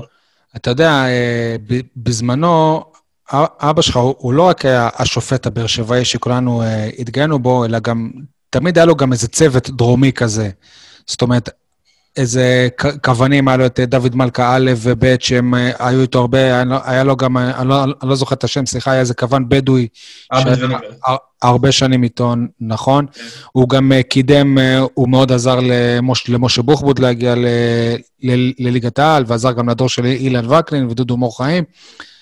מה אתה עושה בכיוון הזה? גם, האם עדיין היום יש צוותים, כאילו, והאם אתה, אם, אם יש לך כאילו מי- מישהו, מישהו מהדרום, איזה כוון שאיתך כאילו קבוע או משהו? האמת שהיום יש פחות uh, צוותים שעובד לפי דרום, מרכז, צפון, זה... יש כן לכל שופט איזשהו קאדר של בערך שישה, שמונה עוזרים שהוא יכול לצאת איתם. תיקח אה, אותי כוון. תראה איך אני. עושה מהדגל. מדהים. זה הרבה יותר מורכב מזה, מבטיח לך. וואלה, אני אה, בטוח. ונכון להיום אין מה לעשות, החומר שיש אה, כרגע, אין יותר מדי אה, שופטים עוזרים מהאזור, יש משה בוחבוט בליגת העל, וכמה עוזרים מצוינים בליגה לאומית, שאני מקווה מאוד שהם יגיעו גם לליגת העל, כי הכי, הכי כיף זה לצאת מהבית. תן לנו איזה שם של איזה פוטנציאל צעיר, אבל ככה ש... אז, שהוא לא בליגה לאומית היום, אבל אתה מכיר אותו, אתה אומר, וואלה, זה ליגה א', זה... יש לו פוטנציאל. בתור, בתור שופט, שופט, כוון, אה, אני יכול להגיד ב, בליגה לאומית, קודם כל, שיש שופט שעלה השנה, ויטלי, הוא עלה השנה לליגה לאומית. אה, שופט מאוד מוכשר, חבר שמתאמן איתי הרבה, הרבה, זמן. ויטלי מה? ויטלי בונדרב. אוקיי. גם באר שבעי. אה, למה מוכר לי השם הזה? ממש מוכר לי השם הזה. הוא היה, משחק גם בעבר, האמת שהוא הגיע לשחק ברמה של הנוער של הפועל באר שבע, ואז הוא עשה קורס שופטים בגיל קצת מאוחר, השנה הוא עלה לליגה לאומית. אה, יש את שלו ששון, שופט מצוין בליגה לאומית. אה, אורי לוגסי, גם, לא מבאר שבע, הוא גם מהדרום, אבל מנתיבות. אה, ובגזרה של העוזרים יש, יש את אה, דימונאים קצת, יש את אושרי כהן, יש את דור מדינה, עוזר מצוין, שנה שנייה בליגה לאומית. יש חומר שיכול להגיע לרמות הגבוהות גם, וכמו שאמרתי מקודם, אני אשמח שהם כן יגיעו, כי הכי כיף לצאת במונית מבאר שבע, צוות שלם דרומי. זה מה שהייתי מעדיף, בוא נגיד. אם, אם אני לא טועה, אה, בעלייה לליגת העל זה היה בינך לבין שלו ששון, נכון? אה, לא, לא, לא מדויק, כי כמובן שאנחנו היינו באותה אותה ליגה, היינו שנינו בליגה לאומית, אה, ויש רק אה, 12 או 13 שופטים בליגה לאומית, ואחד בסוף עולה, אחד או שניים. אה, ועלינו אני ואביעד שילוח מהצפון, כמובן שבאותה עונה גם גם שלו יכל לעלות, אבל אה, זה שיקולים של ציונים ו- ו- ו- וכושר גופני וכל מיני דברים שמתווספים בסוף לאיזושהי נקודה, וועדה מקצועית שמחליטה. אה, וזו הייתה התוצאה- התוצאה בסוף. מה, כמו שאמרנו, אתה הבן של אה, זהבה, אבל גם של מאיר. זיווה. ו... זיווה, סליחה, ושל מאיר. ואנחנו יודעים שמאיר. מל... מלווה אותך ממש מגיל אפס בשיפוט, ותמיד אחרי כל אה, צעד, כל התקדמות, כל ליגה שאתה עולה, כל מהלך, יהיה מי שיגיד, טוב, הוא הבן של מאיר. עד כמה אתה מייחס עדיין חשיבות לאמירות האלה? כי אני בטוח שאתה שומע אותם, אנחנו חיים בעולם קטן, כאילו, מדברים אנשים. שמע, זה משהו שעוד פעם, גם אז כשעליתי ליגה ועשינו ראיון עם אה, יניב ודיברנו על זה, זה נושא שצף תמיד, זה נושא שיעלה תמיד, אה, ואמרתי את זה גם אז ואני אומר את זה גם היום, אני תמיד מתגאה בזה שאני הבן של, ואני אשמח שתמיד גם יתחילו כל ראיון איתי, שניר לוי הבן של, אין לי בעיה ואני מאוד גאה בזה. יש לזה יתרונות וחסרונות, היתרונות זה הצד הזה שהוא עובד איתי כל הזמן ועוזר לי. החסרונות המועטים שיש זה זה שכל הזמן יהיו את האלה שיגידו, הוא התקדם בזכות, ואבא שלו קידם אותו.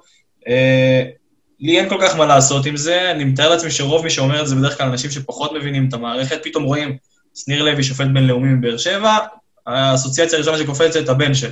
בגלל זה כנראה מתקדם, ולא יודעים שאת הכברת דרך שעברתי עד למצב הזה, של אה, מצוינות של חמש שנים, שאני נוסע כל שלישי לשפיים מעבר ל, אה, למתכונת הרגילה, ואימונים ומשקיע. אה, אבל בסדר, בסוף, אתה יודע? בסופו של דבר היום זה הכל תקשורתי, והכל טלוויזיה וVAR, והכל צף, ואם אני לא אהיה טוב, כנראה שיראו את זה, ו... וזה זהו, יצוף. שניר, בריאיון איתי אני חייב לציין שענית תשובה יותר טובה. מה אמרתי? כי בזמנו של אבא שלך, למשל, לא היו שידורים של כל המשחקים, ולא היה עבר, ולא לא היו כל כך הרבה מבקרים, ו, והיום רואים הכל. ואגב, גם אבא שלך אמר שאם יפסיקו להגיד הבן של, ויפסיקו להגיד את השם שלך, עדיף שתפרוש מהמקצוע. אז בגלל, לא, אמרתי את זה גם עכשיו, אמרתי לא. שאני שמח שאומרים את זה, וגם אמרתי שהיום הכל תקשורתי, וVAR, וכל דבר הכי קטן, יש הרבה דעת קהל, ובלי שום קשר מקצוע השופט הוא לא, הוא לא, הוא לא כזה אהוד, בוא נגיד, בכדורגל. הוא אבל כמעט כמו עיתונאי, כמעט. מה? כמעט כמו עיתונאי. ואתכם אוהבים יותר קצת. כן, טוב, תשמע, שניר, אה, אני, אני חושב שאני אאחל לך ו, ונסיים בזה, לפי קצב ההתקדמות, אוטוטו אבא מאיר ילך ויגיד, אני, אני אבא של שניר. אתם יודעים, כאילו, אני, אני אבא של שניר, כי לפי הקצב וזה, השמיים הם הגבול. תודה רבה ותמשיך להצליח, ולפני העלייה לצ'מפיונס, תזכור אותנו גם. אה, לדבר איתנו עוד כמה. שנים. זו המטרה, נמשיך לעבוד קשה בצניעות, ואני מאמין שגם זה יגיע. תצליח. תודה רבה, חברים. בהצלחה. טוב, מה זה החרטא הזה? אה, סול. מה זה החרטא הזה של ל- לפי הנחיות וופא, באר שבע הייתה צריכה לשנות את החולצה, אבל בחנויות, מהדורת אירופה נמכרת, נמכרת עם החולצה של הליגה. לא הבנתי, הרי דיברנו שבוע שעבר נראה לי על הקטע עם הספונסר, הצבעים של הספונסר, לא, על זה אתה מדבר? לפני סלאביה פראג, אמרו כן. שלפי הנחיות וופא צריך לשנות את החולצה. כלומר, לשים את הספונסר בשחור, ומאחורה הוסיפו משבצות במקום הלוגו של אה, נכון, אני באמת, אה, נדמה לי. אני שמתי לב שהחולצה נראית קצת- קצת- אחרת מאחורה, נכון? אוקיי. אבל בבאר שבע, גם בהודעה הרשמית שלה, אמרה שבחנויות ממשיכים למכור את, החולצה, את, את חולצת אירופה במהדורה הרגילה. זאת אומרת שאם אני רוצה לקנות את חו- את החולצה ששחקני הפועל באר שבע משחקים בה באירופה, אני לא יכול לקנות. אתה לא יכול. חרטא, בהחלט, ראו- ראוי, זה חרטא ראו- ראויה, סול. באמת, אייל, תן לי גם חרטא. החרטא שלי מורכבת משניים. א', על בחור בשם משה חוגג, שאמר לנו עוד לפני ראש השנה... גם שהוא השבוע? טס- שאמר לנו לפני ראש השנה שהוא טס לאיחוד האמירויות כדי לחתום על איזה עסקה עם איזה... לא יודע, איזה שייח, לא יודע מה. איפה זה? בינתיים, גניבת דעת, אייל, זה גניבת דעת לא, עושה. ב click bait. לא, ומה עם איתי בן זאב. רגע, וזה החרטא זהו. השנייה שלי. איפה הפועל. באר שבע וההנהלה המהוללת שלה שאמרה שיש איזה משחק, הזמינו למשחק? איך מכבי חיפה בשקט בשקט גונבת לנו את המשחק אימון? ולא רק זה, וכנראה שהם מקבלים גם ספונסר ב... במחיר מבצע, מה זה שנקרא. אולי ספקולציות, אני עוד לא יודע, אבל כן.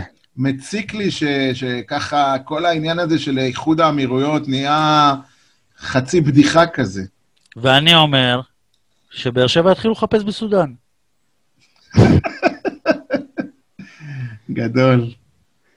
טוב, אה, מה זה החרטא הזה שאין ור בליגה האירופית? כאילו, רבאק, בליגה הישראלית הקטנה יש, ובליגה האירופית, ליגה האירופית, כאילו, הבת של ליגת האלופות אין ור, זה נראה לי הזוי בעיניי. כרגע... פדיחה של וופא או אה, זלזול של וופא, ואני, ואני, באמת- ואני באמת אומר ששנה הבאה כבר תהיה לי, ליגה שלישית, אבל גם לא יש שופט רביעי. שנקראת הקונפדרציות, אני אומר, שם זה כנראה גם יהיה בלי תלבושות, כאילו, כל שחקן בא מהבית עם התלבושת, כאילו, ור היום זה מינימלי. שבליגה זהו, האירופית לא יהיה כשתהיה ור, ליגה שלישית, אז, באר... ש- אז uh, קבוצות ישראליות, רוב הסיכויים שישחקו בליגה השלישית ולא בליגה האירופית. כן. זה זה, זה ילך ככה, האלופה הישראלית תתמודד במוקדמות ליגת האלופות, ותנשור לאירופית. יפה, וכל שאר הקבוצות הישראליות יתמודדו בליגה, בליגת הקונפדרציות. מבלי יכולת לעלות לליגה האירופית. כן. אוקיי, זה תלוי בדירוג של המדינה וזה. אגב, אפילו אנחנו לא, אנחנו לא מדברים על זה, אבל הפועל באר שבע היא ממ- היא ממשיכה להביא לעצמה נקודות דירוג, וזה... בהגרלות שיהיו, זה, זה מצוין לה, אם היא תהיה גם בשנים הבאות היא- באירופה. היא ממוקמת בנקודות מעל מכבי תל אביב, כרגע. כן.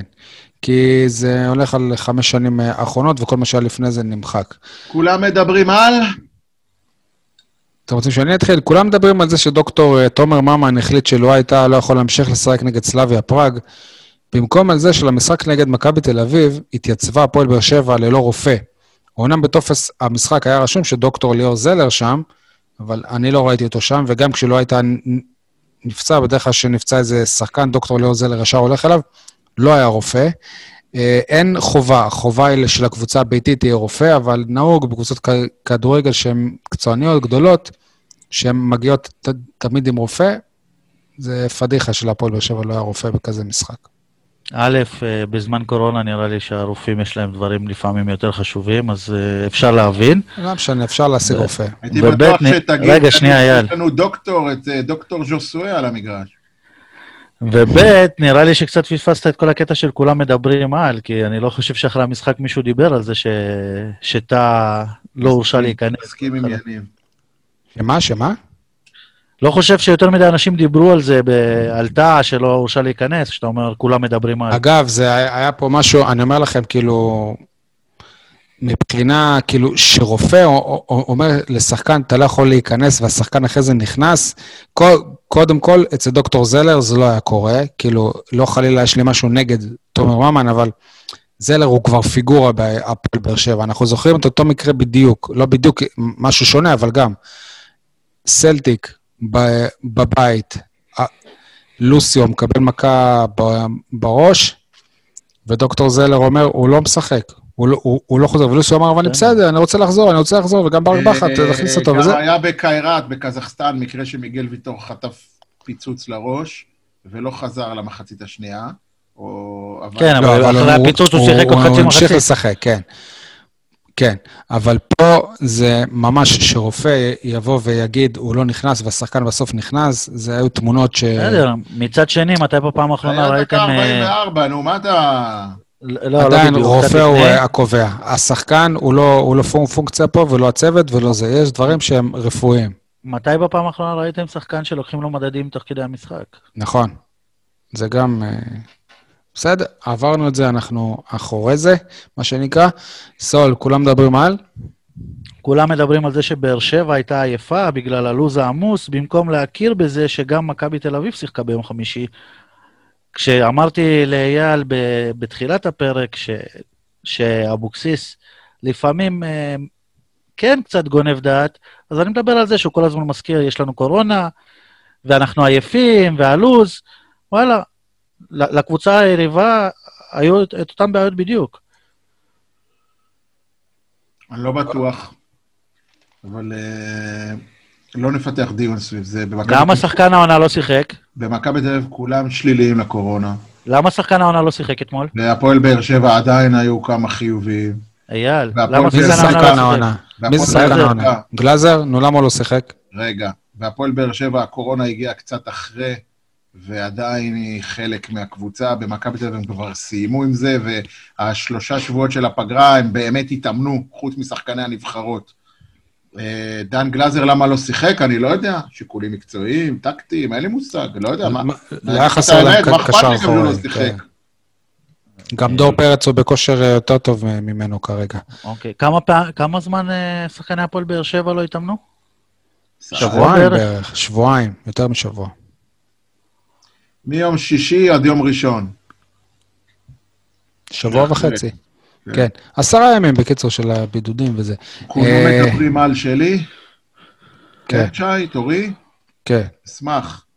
כולם מדברים על הניצחון הגדול של הפועל באר שבע על סלאביה פראג, ואני, או אף אחד לא מדבר על זה, שסוף סוף, אנחנו, שהובטח רשמית שלא נסיים את הבית הזה עם אפס נקודות ואפס שערים. זה היה החשש הגדול שלי, מזה אני פחדתי, ואני שמח שזה התברר, התברר כטעות, וכבר התבריירו. ירד מסדר היום. התבריירו. ככה אתה צריך להגיד עכשיו.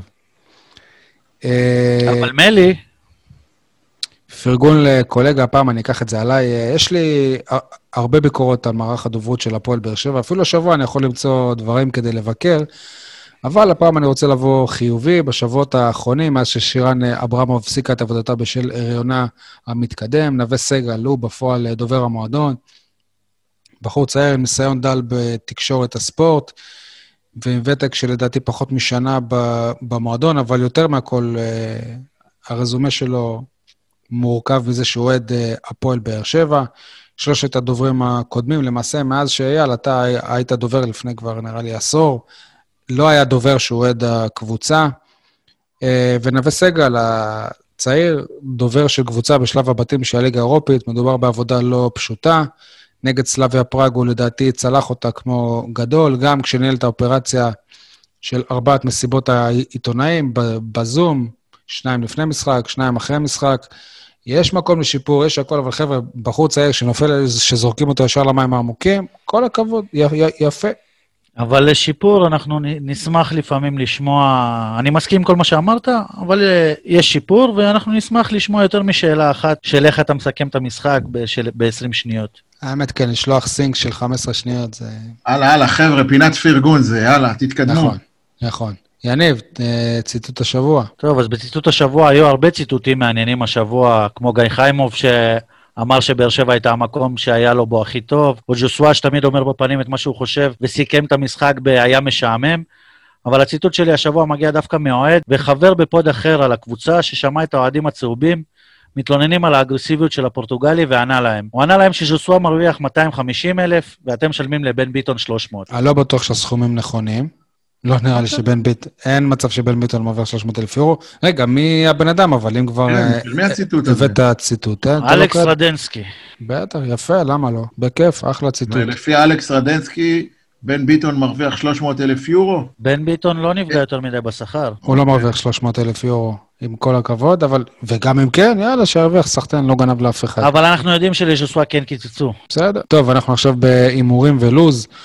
כולנו חשבנו שהפועל באר שבע לא תנצח את אה, סלאביה פראג, לכן אה, אנחנו לא מקבלים נקודות על המשחק הזה. ימיר, אתה- יניב, אתה הימרת על תיקו אחת-אחת נגד מכבי תל אביב, לכן אתה מקבל נקודה למשחק הזה. על הכדורסל, כולנו הימרנו הפסד להפועל ירושלים, אני פגעתי בול בהפסד בינוני, לכן אני מקבל שלוש נקודות, ואתם נקודה. הטבלה, אייל עם אה, שמונה נקודות, אני עם שבע, סול אתה עם חמש נקודות.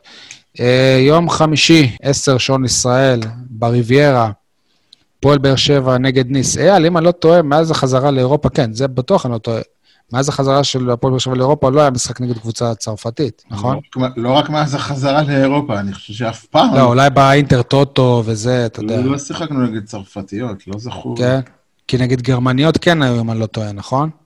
גרמניות באינטר טוטו היה, כן, הרטה ברלין וקרלסרוהה, אבל אה, צרפתיות אני לא זוכר. טוב, מה ההימור שלנו? אה, שי, היינו בדנקרק נגד אה, רס- אה, ראסינג פריז. רד סטאר פריז. רד סטאר פריז, סליחה. איך לא אמרנו את זה ל- לווינסט, שלפני שנה אני ואתה היינו במשחק ליגה שלישית בצרפת? איי, זה גדול. ואיך לא סיפרנו לו על סטו, איך?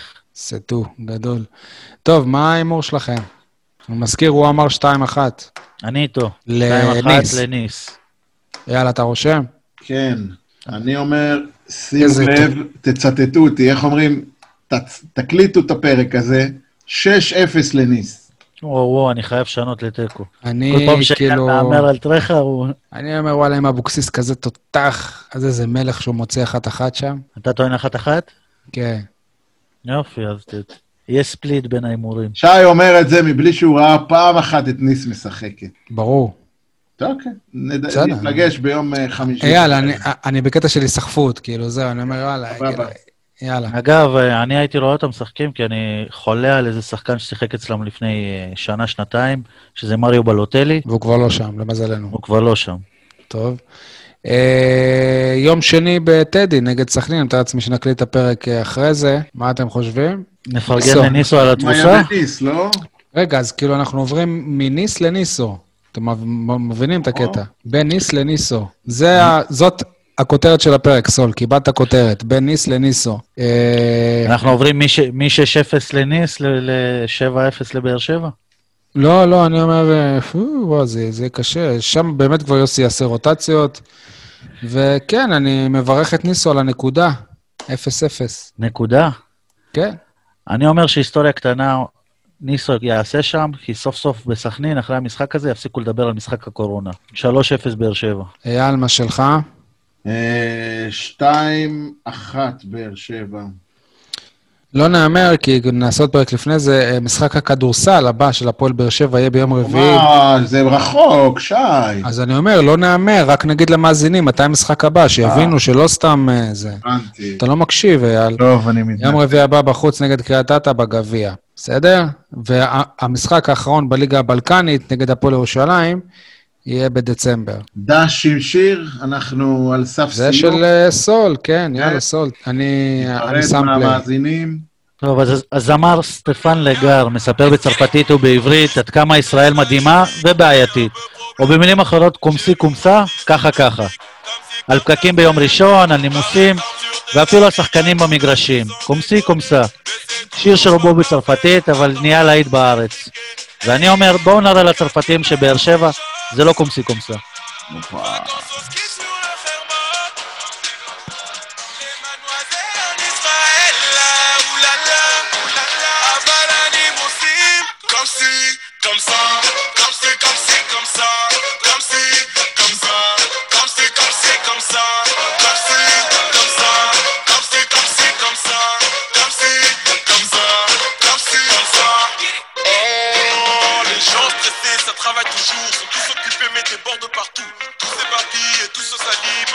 avocats ici sont endormis. Je marche dans la rue, tout le monde est différent. Les gens qui se disputent comme des petits enfants. Ils veulent tous lever, mais à même pas le temps.